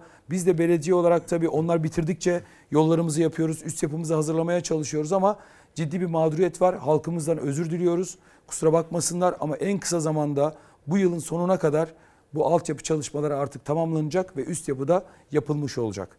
Şimdi o zaman e, son dakikamıza girerken festivalleriniz ve çağrınız. E, Bodrum her zaman kültür ve sanatla yoğrulmuştur. Binlerce yıldır böyle bu. Son dönemde de bale festivallerimiz, gümüşlük müzik festivallerimiz, caz festivallerimiz çok yakında var. Gastronomi festivali geldi çok yakında. Ve e, bunun gibi daha nice etkinlikler var. Bodrum'da gelen insan sıkılmaz. Çünkü Bodrum sadece deniz, kum, güneş değildi. Bir lifestyle sunar. Yani bir hayat tarzı sunar insanlara. Gastronomisiyle, doğa turizmiyle, spor turizmiyle, deniz turizmiyle, dalış turizmiyle, e, tarih turizmiyle her şeyiyle Bodrum bir e, çeşitliliktir ve insanıyla tabii ki en değerli şey insanıyla binlerce yıldır e, bu Ve farklı bir topraklarda yaşayan. ekosistemi var tabii Bodrum'un. Doğru, doğru. Ya bakıyorum inanılmaz Doğru. bir görüntü var şu Evet, anda. E, evet. Sizin arkanızda. Sağ burada, olun. e, işte Bodrum Gururumuz. Kalesi ve çok Evet. güzel. Sizin için hazırladık bunu. Evet. Böyle masmavi deniz. Evet. Ama işte o denizin tadını çıkarma etme burada işte buraya uzak kalacak olması insanların ekonomi nedeniyle Özellikle, o da üzücü. Özellikle yerli turistin. Yerli turist, özellikle orta sınıf turist artık e, bu fiyatlarla e, çok zor tatil yapar. Ama biz Bodrum'da her keseye yine hitap edecek tesislere sahibiz. Bunu da ifade etmek lazım. Bazen pahalılıktan bahsedilir ya. Evet. Ama Bodrum dünyanın en ünlü markalarına da ev sahipliği yaparken aynı zamanda yine e, mütevazi tatil yapılacak kendi pansiyonlarımıza, restoranlarımıza, plajlarımıza onlara da sahiptir. Herkesi yine Bodrum'da bekliyoruz. Özellikle eğlence sektörümüz biliyorsunuz Akdeniz'in incisidir. Herkesi Bodrum'da tatil yapmaya, eğlenmeye yine bekliyoruz. Özellikle belediye kafelerde e, çok uygun fiyatlara yine e, her türlü yeme içme imkanından da faydalanabilir vatandaşlarımız. Bunu da ifade etmiş olalım. Bir de son olarak size bir şey söyleyeyim. Biraz çok konuştum kusura bakmayın. Estağfurullah buyurun. Yani Son bir e, hazır alalım fırsatı bulmuşken. Şimdi evet şu Bodrum'un e, tabii ki son zamanlardaki yapılaşma hızı, nüfus artışı, göç, pandemi sonrası depremden korkan Bodrum'a göçmek istiyor. E, büyük deprem oldu biliyorsunuz hepimizin içini yaktı. Ama bu sefer İstanbul'da deprem beklentisinden insanlar bu sefer Bodrum'a tekrar bir hücum ettiler. E, bu da yapılaşmayı arttırıyor ister istemez. Kentsel sorunları arttırıyor. Bunun için çalışmalarımız sürüyor. Bu hafta bununla ilgili bir arama konferansı düzenledik. Pazar ve pazartesi günleri. E, Türkiye'den çok önemli akademisyenler ve uzmanlar gelecekler. Ve bizim de yine Bodrum'dan e, önemli paydaşlarımız taksicisinden e, en önemli iş adamına kadar herkes orada olacak ve Bodrum'un marka algısı, geleceğiyle ilgili, sorunlarıyla ve çözüm önerileriyle ilgili bir çalışma olacak. Ben e, çok teşekkür ediyorum Biz teşekkür desteğiniz için. Çok sağ olun geldiğiniz için. Sağ olun. Ee, Bodrum Belediye Başkanı Sayın Ahmet Aras yanımızdaydı. Ee, Bodrum hazırlık yapıyor, yazı hazırlık yapıyor ama bir yandan da sorunları var. Hükümete ve bakanlara, bakanlıklara seslendi ee, Sayın Ahmet Aras. Bugünü noktalıyoruz. Pazartesi sabahı 7.45 dediğinde saatler bizler yeniden burada olacağız, karşınızda olacağız. Memleketin gündemiyle, dünyanın gündemiyle, sizin bizim gündemimizde. Hoşçakalın, güzel bir gün olsun, güzel bir hafta sonu olsun.